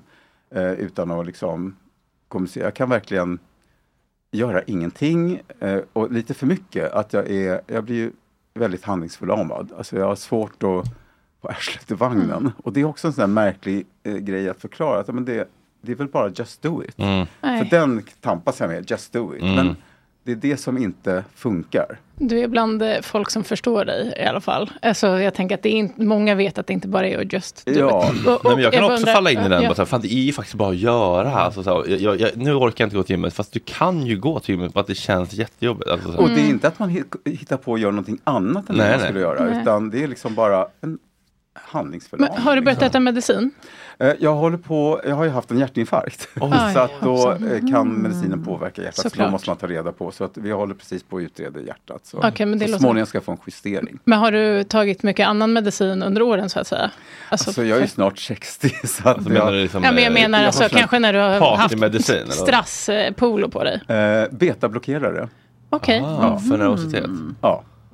Mm, det har jag För jag har haft enorm scenskräck. Alltså jag, Aha, vet, ja. Första åren med, med Arm of Lovers så, så var det liksom, det var kräkas. Alltså. Wow. Och, och så här, vad fan gör jag det här för? Varför gör jag det här för? Vad har jag mig? Varför? Du skulle Varför? haft H där då, alltså hyper i din... Ja, precis. Kanske. Ja. Och sen, så, men sen när man kommer ut och man vet eh, varför man står på scenen och man har en...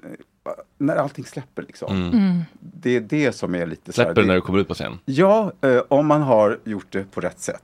Alltså haft, eh, fått ha sin nervositet och alltihopa. Mm. Ja, hur är rätt släppa. sätt? Alltså innan? Alltså det är att bejaka och omfamna den här nervositeten och Mm. sen så får det liksom bli en startsträcka liksom fram tills man kommer ut på scenen och det släpper. Mm. Men då vid ett tillfälle, som, och det här var på tidsstadium, det, jag tror att det var eh, E- EUs 30, eller Europaunionens 30-årsjubileum eller sånt där i Kungsträdgården. Och vi skulle framföra Crucified en av de första gångerna. Och eh, vi är hemma hos Alexander och han är, blir tvärsjuk. Så att eh, och, så man, allt fokus går ju liksom till att hålla igång honom och jag sminkade och gjorde hår på den tiden på hela bandet. Eh, så att jag fick ju lägga mig själv åt sidan. Eh, så att jag hade, hann inte få min, min den här skräckresan utan Mm. den kommer i stort sett precis när jag ska kliva på scenen. Och släppte inte. Och är hela, så att hela, och s- då hade vi mikrofoner med stora svarta fjädrar som skulle matcha så här. Och jag kommer ihåg alltså, eh, den var liksom planterad i ansiktet på mig för att jag liksom Gömde dig. Ja, alltså det var skitläskigt. Var det här något som andra märkte av sen? Eller är det, Det hoppas jag verkligen inte. Nej, nej, men det kan ju vara skönt att trösta sig. Alltså att Ja, alltså, när man står där så tycker man att alla ser ju precis vad som händer och hur man är. Mm. Eh, så att, eh, Vad ett- bra då att ha fjädrar på micken. Alltså Ja. om man har en sån. Ja, vi har ju Men- inte gjort någon hemlighet av att vi, har, att vi alltid kör playback. Mm. Så vi har alltid haft eh, mikrofoner som, inte, som man ser inte är riktiga mikrofoner. Mm. Alltså Leks- playback det är som en mimas? Ja. Ah, det är inte en sång på skön, Ja. eller? Ja, alltså det är inte det lättaste Nej. att mima, framförallt i sin egen röst. Varför- det är nästan varför konstigare. göra så? Därför att Alltså vi har, det är många saker. Jag kommer från en dragshowmiljö så att eh, innan eh, jag träffade Alexander så var jag med i en dragshowgrupp som hette eh, Sp- eh, Som var lite burlesk, eh, fast inte på det sättet som vi har idag utan det var lite mm, corny, lite skumt. Vi gjorde låtar från tyska musikaler som ingen hört talas om. Eh, jag hade alltid platina blonda peruker och jätteurringat så att man såg mitt svarta håriga bröst. Mm. Eh, Så det var liksom inte så här, åh vi är snygga damer. Eh, Så att då hade jag den här min-grejen. Så plus att de här gammaldags skådis, eller de här gammaldags artisterna som eh, jag såg, när, alltså när jag var liten så åkte vi alltid till Frankrike och då var det alltid såna här tv-shower på eftermiddagarna. De åkte runt i, i landet med artister som, som uppträdde och de var alltid playback. De kunde stå utomhus liksom på någon sån här eh, något fält bredvid här utan mikrofon eller någonting dessutom. Och liksom så att man förstod att ja, såklart, att så det är liksom en Men har du inte kunnat räddat liksom, den här scenskräcken genom att gå in i så här, karaktären, alltså som du är i Army of Lovers på något sätt? Ja, med åren så blir man ju mer och mer in i sin, alltså man blir ju, man växer in i sin kostym på något sätt. Så man blir ju liksom, och blir precis så, att när man har, alltså när jag får på mig sminket, när eh, håret är på plats och, och eh, klackarna är på plats, då händer någonting, speciellt när klackarna kommer på plats och Får man en korsett på det, då, då ryser jag. Men kan man ha någon mellansnack med publiken om inte ens micken är inkopplad? Eh, ja, faktiskt, för att då är, vi har en, en riktig mikrofon på Ja. scen. Så att då har det liksom varit att man kan liksom ta, köra ett mellansnack och ett Mm. eh, tack på slutet innan extra numret och sådär. Mm. Ja, Hur absolut. kunde ett mellansnack låta i, vad hette den där ryska staden sa du? Volgrad. Volgrad. Åh, eh, Hello everybody. Hello everybody, we love you! Det- we love you, we love you! Jag har en fråga om, en fråga om det där i, med Sovjet och sånt där. På, när var det här? Det var typ... Alltså det här var när det blev Ryssland. Passar vi, precis. Så, ja. Eh, vi var ju aldrig i Sovjet, Sov- Sovjetunionen. Nej, okej, det var- Vår första kontakt med Ryssland var när MTV Russia hade sin eh, öppning. För då var vi och Pet Shop Boys huvudakten. Eh, så att, och det är, så att för en hel generation så är vi liksom den här första officiella kontakten med, Ja, med väst. Mm. Häftigt. Men för jag tänk, upplevde ni någon så här homofobi och sånt där? Fördomen är att ryssar än idag kanske har lite svårt med, så, med sånt. Liksom. Ja, alltså det där är så märkligt. Ja, för att ja, de är ju väldigt sådär, det är ju väldigt eh, macho, det är en väldigt machokultur. Mm. Eh, män har älskarinnor och sådär, eh, lite som fransmännen. Mm. Eh, men nej, och det märkliga är att även då efter sen Putin kom till, till, eh, kom till så har vi ändå haft någon slags carte blanche när vi har varit där. Alltså andra artister kan, har liksom fått böter. ehm, som jag tror Lady Gaga hade uttalat sig, hon fick några böter. Så här. Vi, Alexander och jag, vi pussar varandra på scen i, i rysk tv och eh, det blir inga påföljder. Och vi har till och med Sista eh, showen vi gjorde var en för en nyårsafton, eller en av de sista. Var När, var, en, när var det? Åh, där kan det ha varit. Alltså jag är så eh, hjärndimmig på sånt där med eh, åren. Men det kan ha varit i alla fall, kan det vara tio, tio år sedan? Kan det stämma? Mm. Ja, det, det jag har ingen Ja, aning. ja, i alla fall. Så var vi där och spelade in ett program för en ny, som ska sändas på nyårsafton Mm. till tolv- tolvslaget. Eh, och då har jag sett så här klipp från där. Putin håller nyårstalet, tolvslaget och efter så kom det här inslaget Malmö Blabbers. så att det är så här, eh, okej. Det kanske är för att ni inte har tagit politiskt Vi har tagit då? jättepolitisk, alltså inte, Men inte på plats, det kanske var så liksom. tydligt då, Ja. men mer och mer så har vi gjort efteråt. Vi är väldigt tydliga med att vi inte är kompisar med Putins eh, anti, eh, anti-homo-propaganda eh, historia. Så lagen är så här, man får inte, man får inte eh, under 18 år så får man inte ge någon, någonting, alltså, berätt, alltså ha någonting som har med eh, homosexualitet eller queer att göra. Utan det är som någon slags barnförbjudet. Så om du riktar till en publik över 18 år så går det. Och de showerna som vi gjorde i samband där till exempel, de var ju från alltså, typ 13-15, den typen av, så att det var familjeprogram. Så att i Ryssland får du inte i ett familjeprogram uppträda med någonting som, som de anser och promotar homosexualitet. För att Mm. idén är då att... De kanske ser det som avskräckande exempel i ert fall då? Ja, det, det är kanske det. Det är kanske så det är. Eller så har ni bara världens blåa reggskyltar, någon slags diplomatisk immunitet för att Mm. ni har sån superstjärnestatus där. Men, men eh, för ni blev ju superkända med Crucify, alltså där. Hur- hur- När började det, alltså det har ju inte Gå åt helvete. När kom baksmällan, alltså från, från Ja. den stora? Den tror jag kom när vi, alltså någonstans, någonstans 93, 94 så började det svalna liksom ordentligt och, och då bestämde vi också att nej, men, nu, nu är vi klara liksom. Och när, Eh, när, var, ehm, när var Crucify, när, när var det ni släppte den? 90, 90, Okej, ja. ja 90, Mm. 90, 91. Mm. Den blir också hyllad i chatten av vår egen Jean-Pierre Barda som har en som heter chatten. Topp 10 strofer i Sverige någonsin. Din spoken word eh, åh, wow. Stort fan. Tack, tack, jag bugar, jag bugar. De är också väldigt intresserade av hur det ser ut hemma hos eh, Alexander Bard. Ja, men det här var länge sedan du var hemma hos honom. Alltså jag, Eller, nej, det du får man ju fråga honom själv Ja. såklart. Han kanske inte vill, vill berätta. Nej, precis. Är det så illa? Men du får gärna lägga in ett, eh, nej, det, nej, det är väldigt bra. Du får är gärna lägga in ett gott ord. Vi har sökt honom i några år, men han har inte, han har inte riktigt... Ja, men det ska jag göra. Det Ja, men för jag ni göra, släpper ny absolut. musik nu. Är det liksom gamla låtar eller är det, har ni suttit i studion du, alltså nu senaste tiden och Inte jobbat med det? AI, Beatles. Exakt. Avatarer nej, det, fast. nej, precis. Det är inte AI och vi är inte avatarer, utan det är liksom de här gamla, gamla eh, gubbarna och en tant. Klimakteriepop såg jag någonstans att det, kallar, det var någon som kallade det, tycker jag var lysande. Eh, nej, så det är blandat. Tanken var ju så här, innan, precis innan, co- eller innan covid så var tanken, vi hade 30-årsjubileum på någon av låtarna. Eh, och vi kände så här att, och även bandet hade någon slags jubileum också för vi bildades, nej det stämmer inte för vi åt- du ser så här. Ja. Mm. Eh, och eh, då så började vi skriva. Så att eh, vi hade börjat eh, putsa lite på Sexodus och på romanism. Eh, och sen så hände covid. Och då var det så här, då gick ju luften ur alltihopa.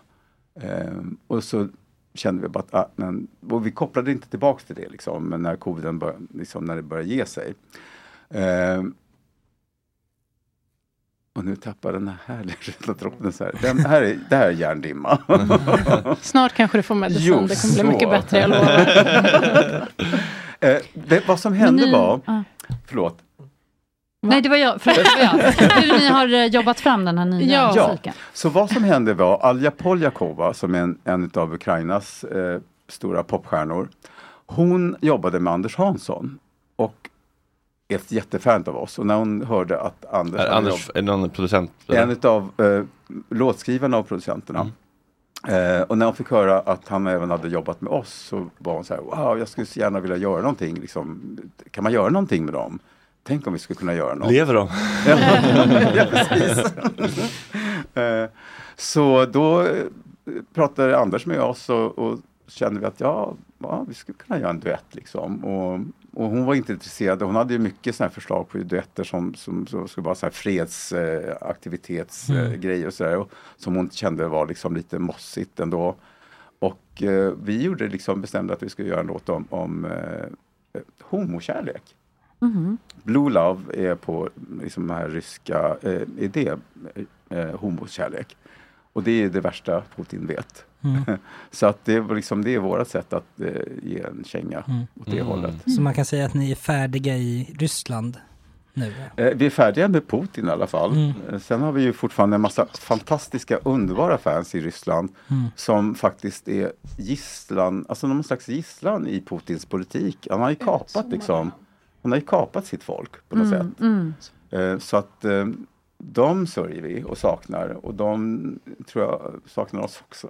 Såklart ja. Men, men, men umgås ni privat också eller umgås ni mest som eh, artister? Vi umgås en del privat faktiskt. Mm. Eh, och Alexander och jag, vi umgicks inte så mycket privat i första rundan. Vi började faktiskt umgås efter att vi hade liksom pausat. För att innan där, vi umgicks ju lite i början, så här. men sen så när det här monstret drar igång då, då hinner man inte. Alltså det blir liksom bara jobb, jobb, jobb, jobb dygnet runt nästan. Så att när man är liksom ledig då är, är man, behöver man en paus från varandra. Mm.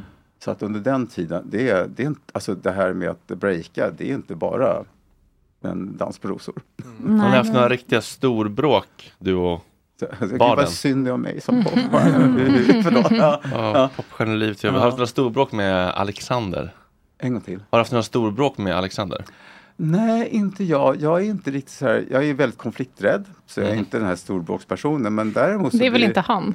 Eh, nej. Det kan man inte beskylla honom för. Nej men han, han frodas i liksom sådär i, i, den, i de situationerna. Det gör inte jag. Men visst har vi argument och vi kan bli högljudda. Absolut. Mm. Vad kan ni liksom eh, tycka olika om? Ja.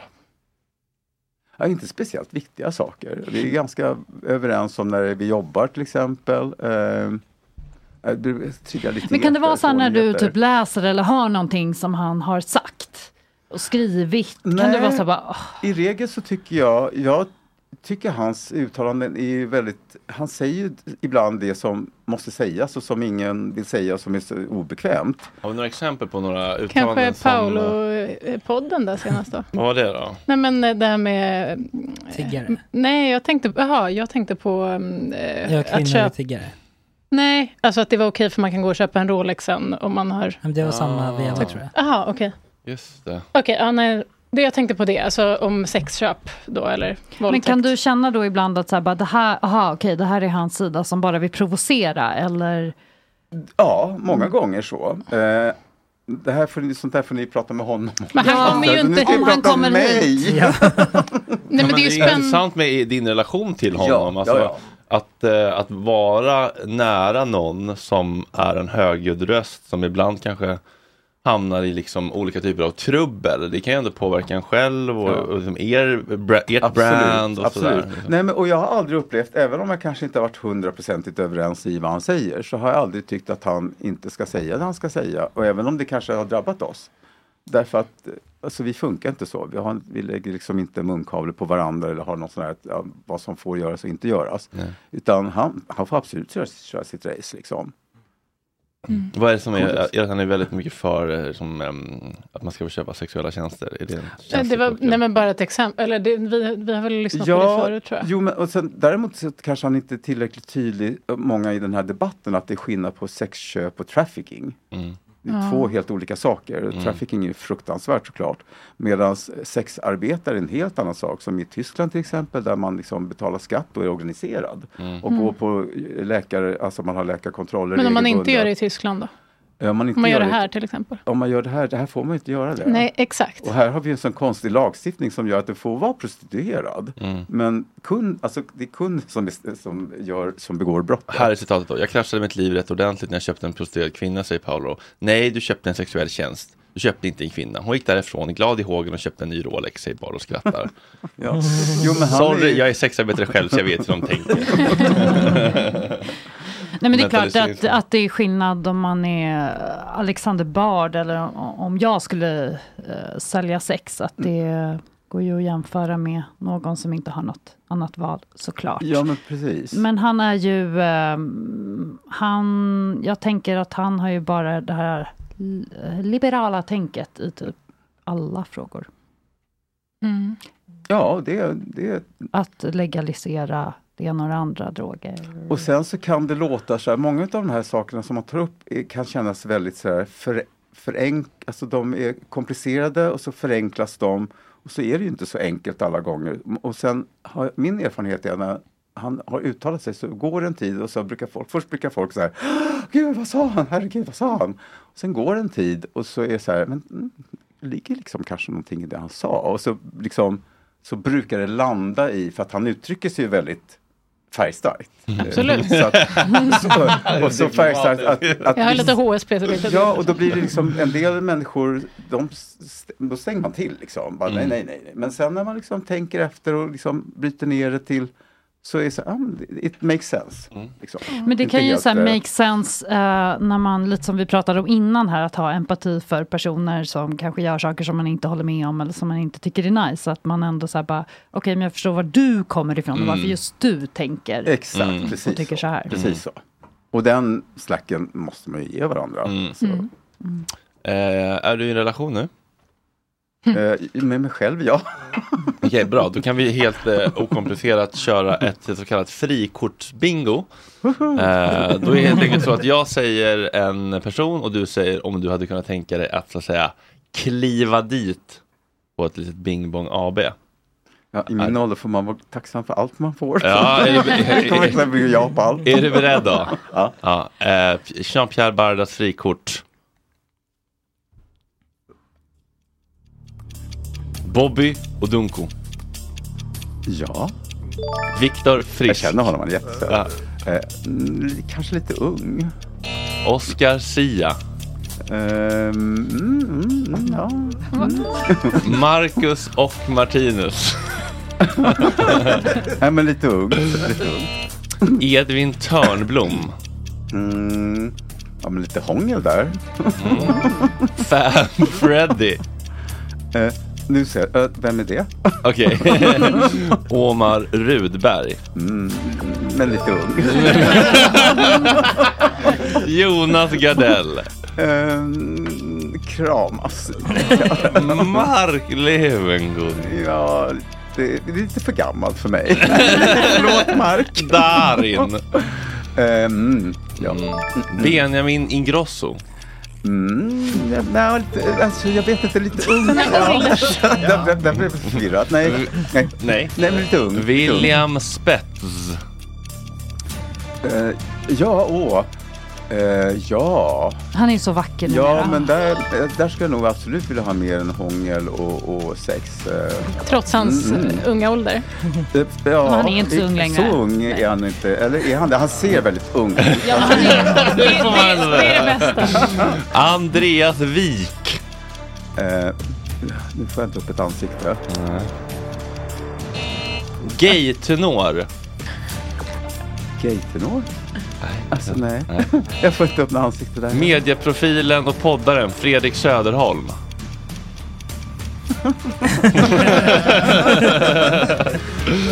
Säger jag. Kul! Nu är det massa ljud samtidigt.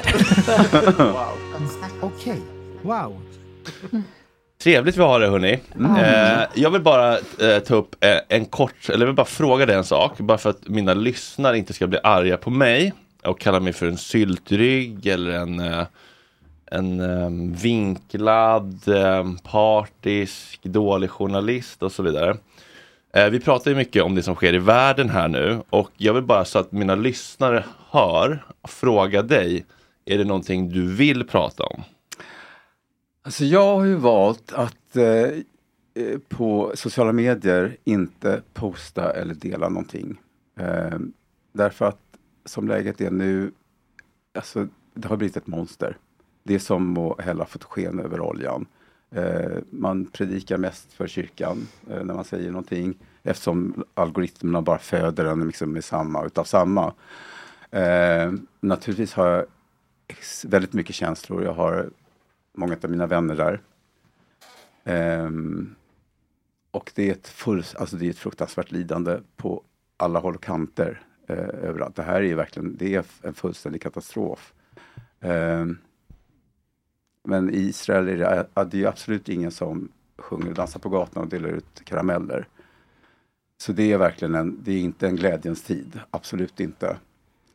Ehm, det är svårt. Mm. Det är jättesvårt. Det är jättesvårt, absolut ingen... Eh, det är verkligen en, en fruktansvärd situation som vi har. Håller med. Ja, nu, mm. Har du folk du kan, men är folk i din närhet du kan prata med? Liksom, så. Ja, jag pratar dagligen med mina vänner i Tel Aviv till exempel. Eh, och jag har ju haft, eh, jag har ju varit på kibbutzer då i södra Israel som är nära Gaza och jag har då mina grannars föräldrar är, bodde i en av kibbutzerna som inte drabbades, gudskelov. Men första tanken var ju naturligtvis att kontakta dem och höra att de var okej. Många gånger har jag liksom smsat med dem i skyddsrum till exempel. Eh, samma sak eh, häromdagen messade jag en kompis eh, och då så hade de precis gått ner, var de nere i skyddsrummet. Så visst är det jättemycket känslor och sådär. Vad har du för ursprung? Jag är, född, jag är född i Frankrike Ja. av eh, franska föräldrar. Ja. Men min pappa är då algerisk fransman. Algeriet var ju fransk koloni. Yes. Eh, judisk så att jag är då konverterad eftersom man går efter modersledet i judendomen. Um, och uh, pappa var arabisktalande också, mina far och farmor och farfar också. De hade ju verkligen så här, de, de pratade så här broken french så att det, det var liksom hälften arabiska, hälften franska. Eh, och jag tycker, ja det är verkligen synd att jag hade verkligen velat lära mig. Eh, arabiska är ju otroligt vackert språk. Eh, och sen så flyttade vi hit till Sverige i slutet på 60-talet. Mm. Mina föräldrar träffades här i Sverige så det var på så vis det. Och varför de träffades här? Mamma hade då en av sina systrar som gifte sig med en fransman. Och hade flyttat till Sverige och mamma var då i 20-årsåldern, hälsade på henne och jobbade som barnflicka. Och pappa var här och eh, han ville träffa blondiner. eh, vi hade ju, Mm. Okej. och så att, eh, han följde med, han hade spanska kompisar som sökte jobb på, i södra Sverige på varven. De hade ju, det var ju arbetsbrist så man tog in liksom italienska och mycket spanska. Så han hakade på men absolut inte för att liksom söka jobb utan som sagt han, men, i livets ironi, han träffar en brunett fransyska. Mhm. Och eh, så. Sen Mm. tillbaks till Frankrike, där föddes jag och min andra bror. Och sen så som sagt eh, 68 där någonstans så började vi liksom för då var ju Paris väldigt oroligt med studentrevolter och alltihopa och de hade ju varit i Sverige och Sverige var en idyll. Det var ju liksom så grönt och lugnt. Alltså jag kommer ihåg min uppväxt, alltså man kunde räkna restaurangerna på en hand in i stan. Alltså det var en helt annan stad. Det var liksom, man shoppade inte så mycket. Utan handla saker, det var någonting man gjorde då och då. Det Var har i ju- Stockholm bodde ni? Vi, jag växte upp utanför Stockholm, Sköndal. Mm. Mm. Sköndal. Ja. Ja, För- Sköndal. eh, Ja, för- för- eh, Bara så här, hur upplever du att det är att, vara, att vara jude i idag.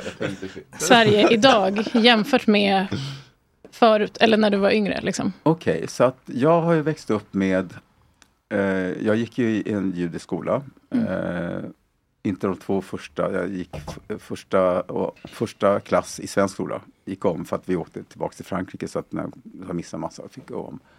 Ehm, då växte jag ju upp med att du behöver inte säga att, du behöver inte prata om att vi är judar.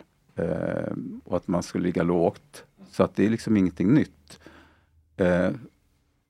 Och det här har gått i vågor, fram och tillbaka. Så fort det händer någonting naturligtvis, eh, så, eh, speciellt om någonting händer med Israel, så naturligtvis så blir det mycket hårdare. Och som det, men som det är idag, aldrig, aldrig varit med om något liknande.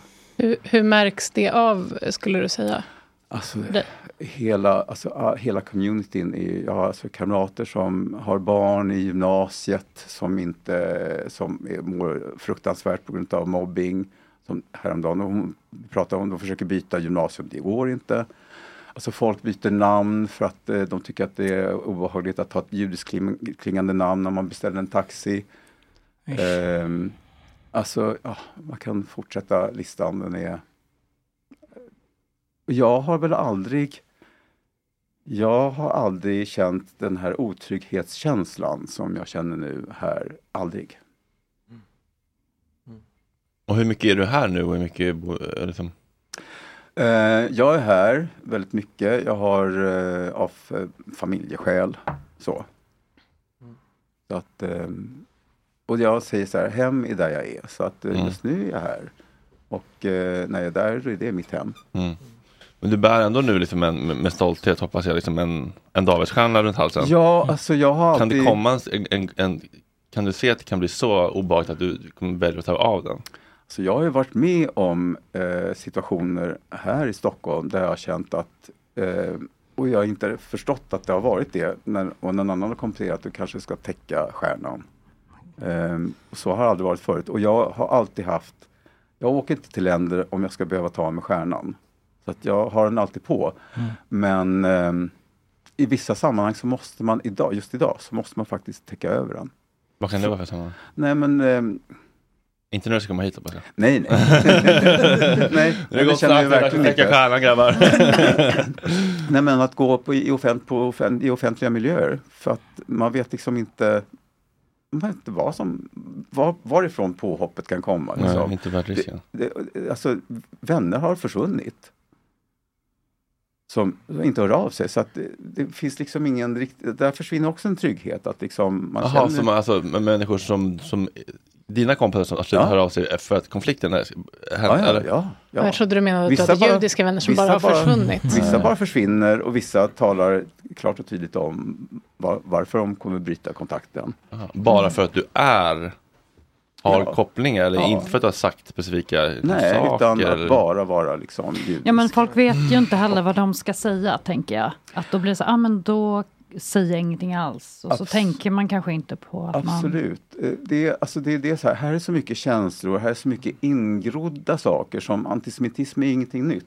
Alltså den första juden som kom till Sverige på 1700-talet eh, fick ju inte jobba fritt. Man fick bara bo på Kungsholmen till exempel och det fanns en massa regler som icke-kristen. Mm.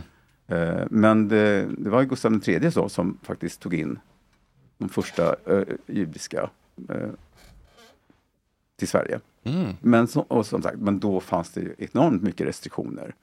Eh, och så här, det här är ju, alltså, den judiska historien är tyvärr kantad med, med eh, förföljelser, att vara, bli utstängd från länder man har bott i. Eh, till exempel min pappa då som är från Nordafrika.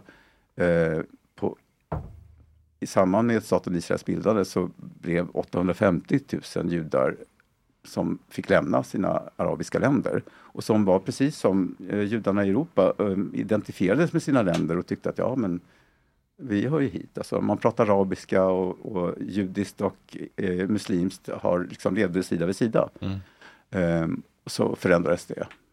Så att eh, tyvärr, alltså det är en historia då som är en, en märklig historia och det kanske har gjort också att vi har eh, vi, man blir mer sammansvetsad. Man måste hålla ihop. Eh, man måste också fokusera på livet och eh, liksom livet framför allt. I judisk tradition så är, går ju livet alltid före allting.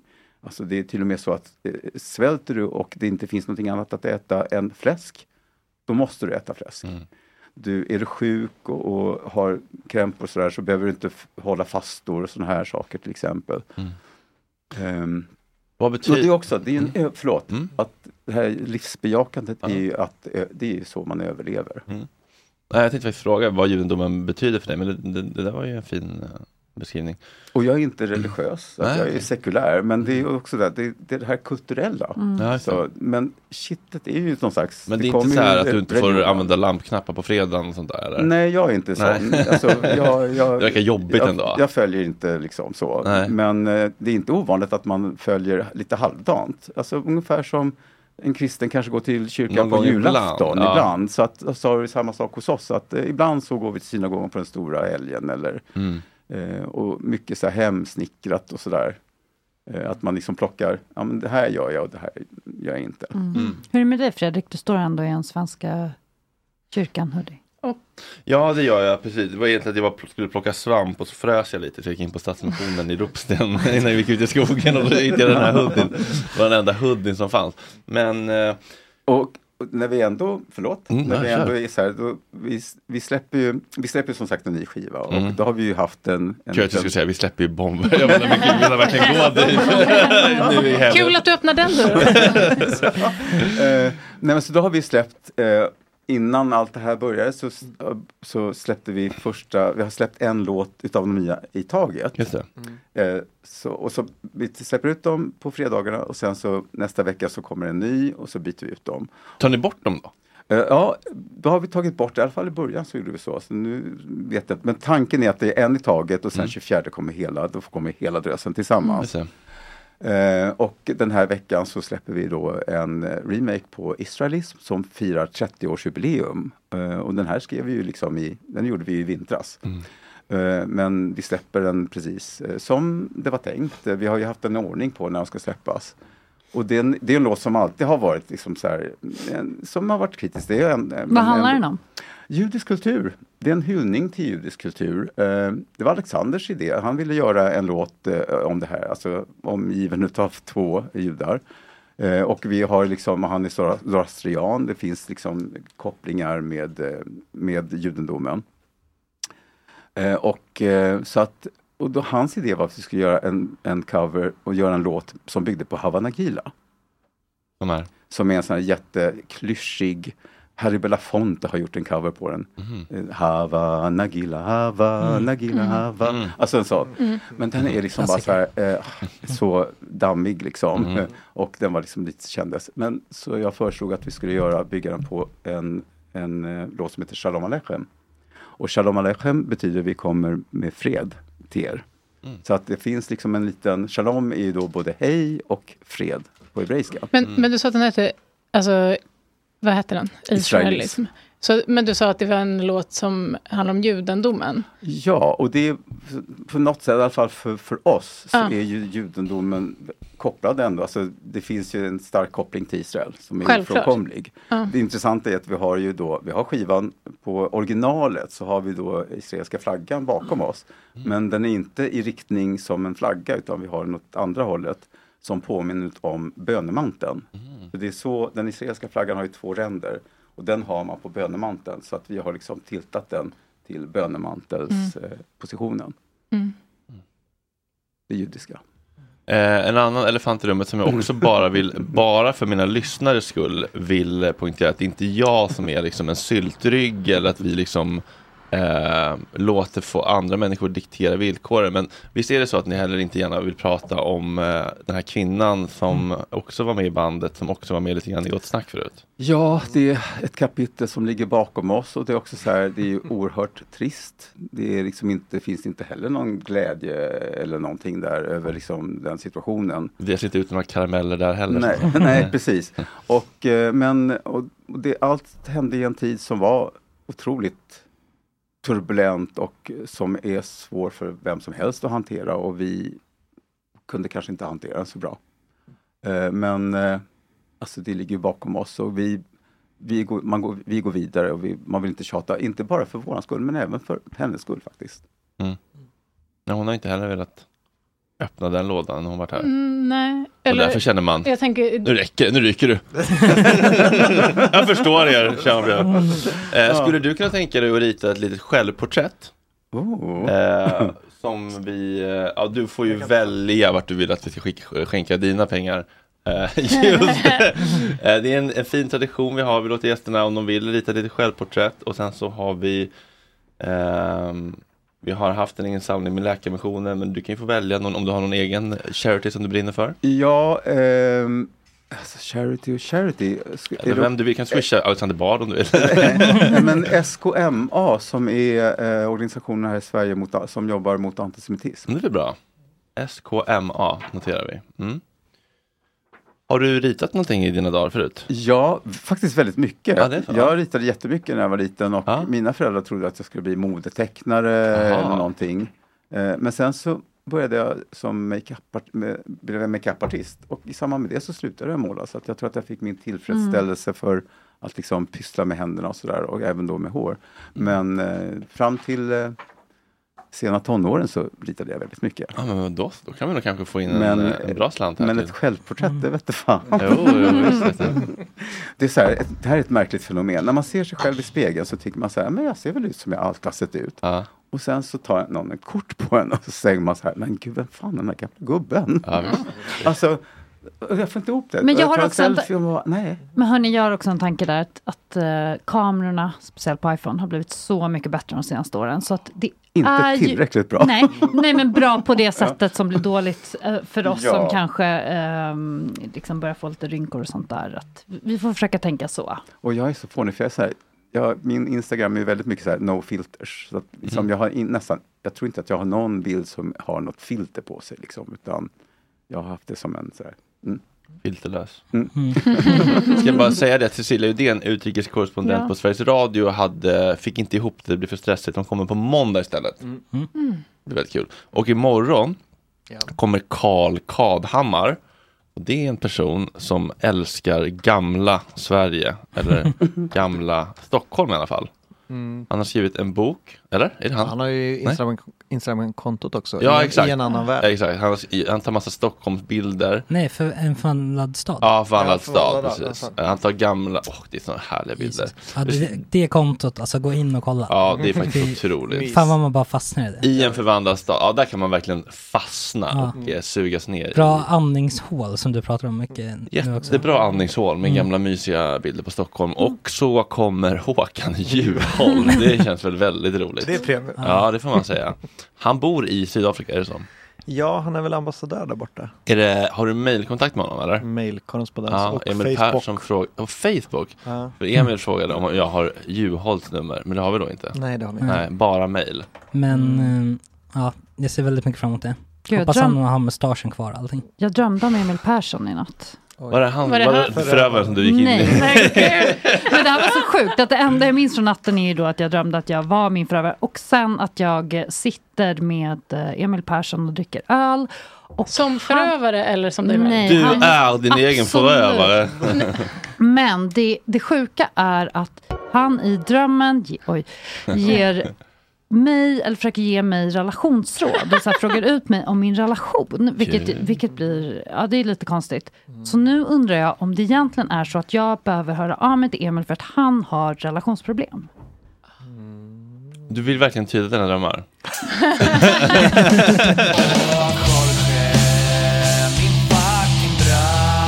Ska ju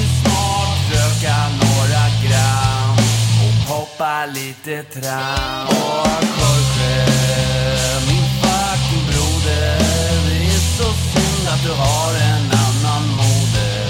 En annan fucking moder. Even when we're on a budget, we still deserve nice things. Quince is a place to scoop up stunning high-end goods for 50 to 80% less than similar brands. They have buttery soft cashmere sweaters starting at $50, luxurious Italian leather bags, and so much more. Plus, Quince only works with factories that use safe, ethical, and responsible manufacturing. Get the high-end goods you'll love without the high price tag with Quince. Go to quince.com slash style for free shipping and 365-day returns. This message comes from BOF sponsor eBay. You'll know real when you get it. It'll say eBay Authenticity Guarantee. And you'll feel it. Maybe it's a head turning handbag, a watch that says it all, jewelry that makes you look like the gem, or sneakers and streetwear so fresh every step feels fly. eBay gets it. So look for the blue check mark next to that thing you love and be confident that every inch, stitch, sole, and logo is checked by experts. With eBay Authenticity Guarantee, you can trust that feeling of real is always in reach. Ensure your next purchase is the real deal. Visit eBay.com for terms. Imagine the softest sheets you've ever felt. Now imagine them getting even softer over time. That's what you'll feel with Bowl and Branch's organic cotton sheets. In a recent customer survey, 96% replied that Bowl and Branch sheets get softer with every wash. Start getting your best night's sleep in these sheets that get softer and softer for years to come. Try their sheets with a 30-night guarantee. Plus, get 15% off your first order at bowlandbranch.com. Code BUTTERY. Exclusions apply. See site for details.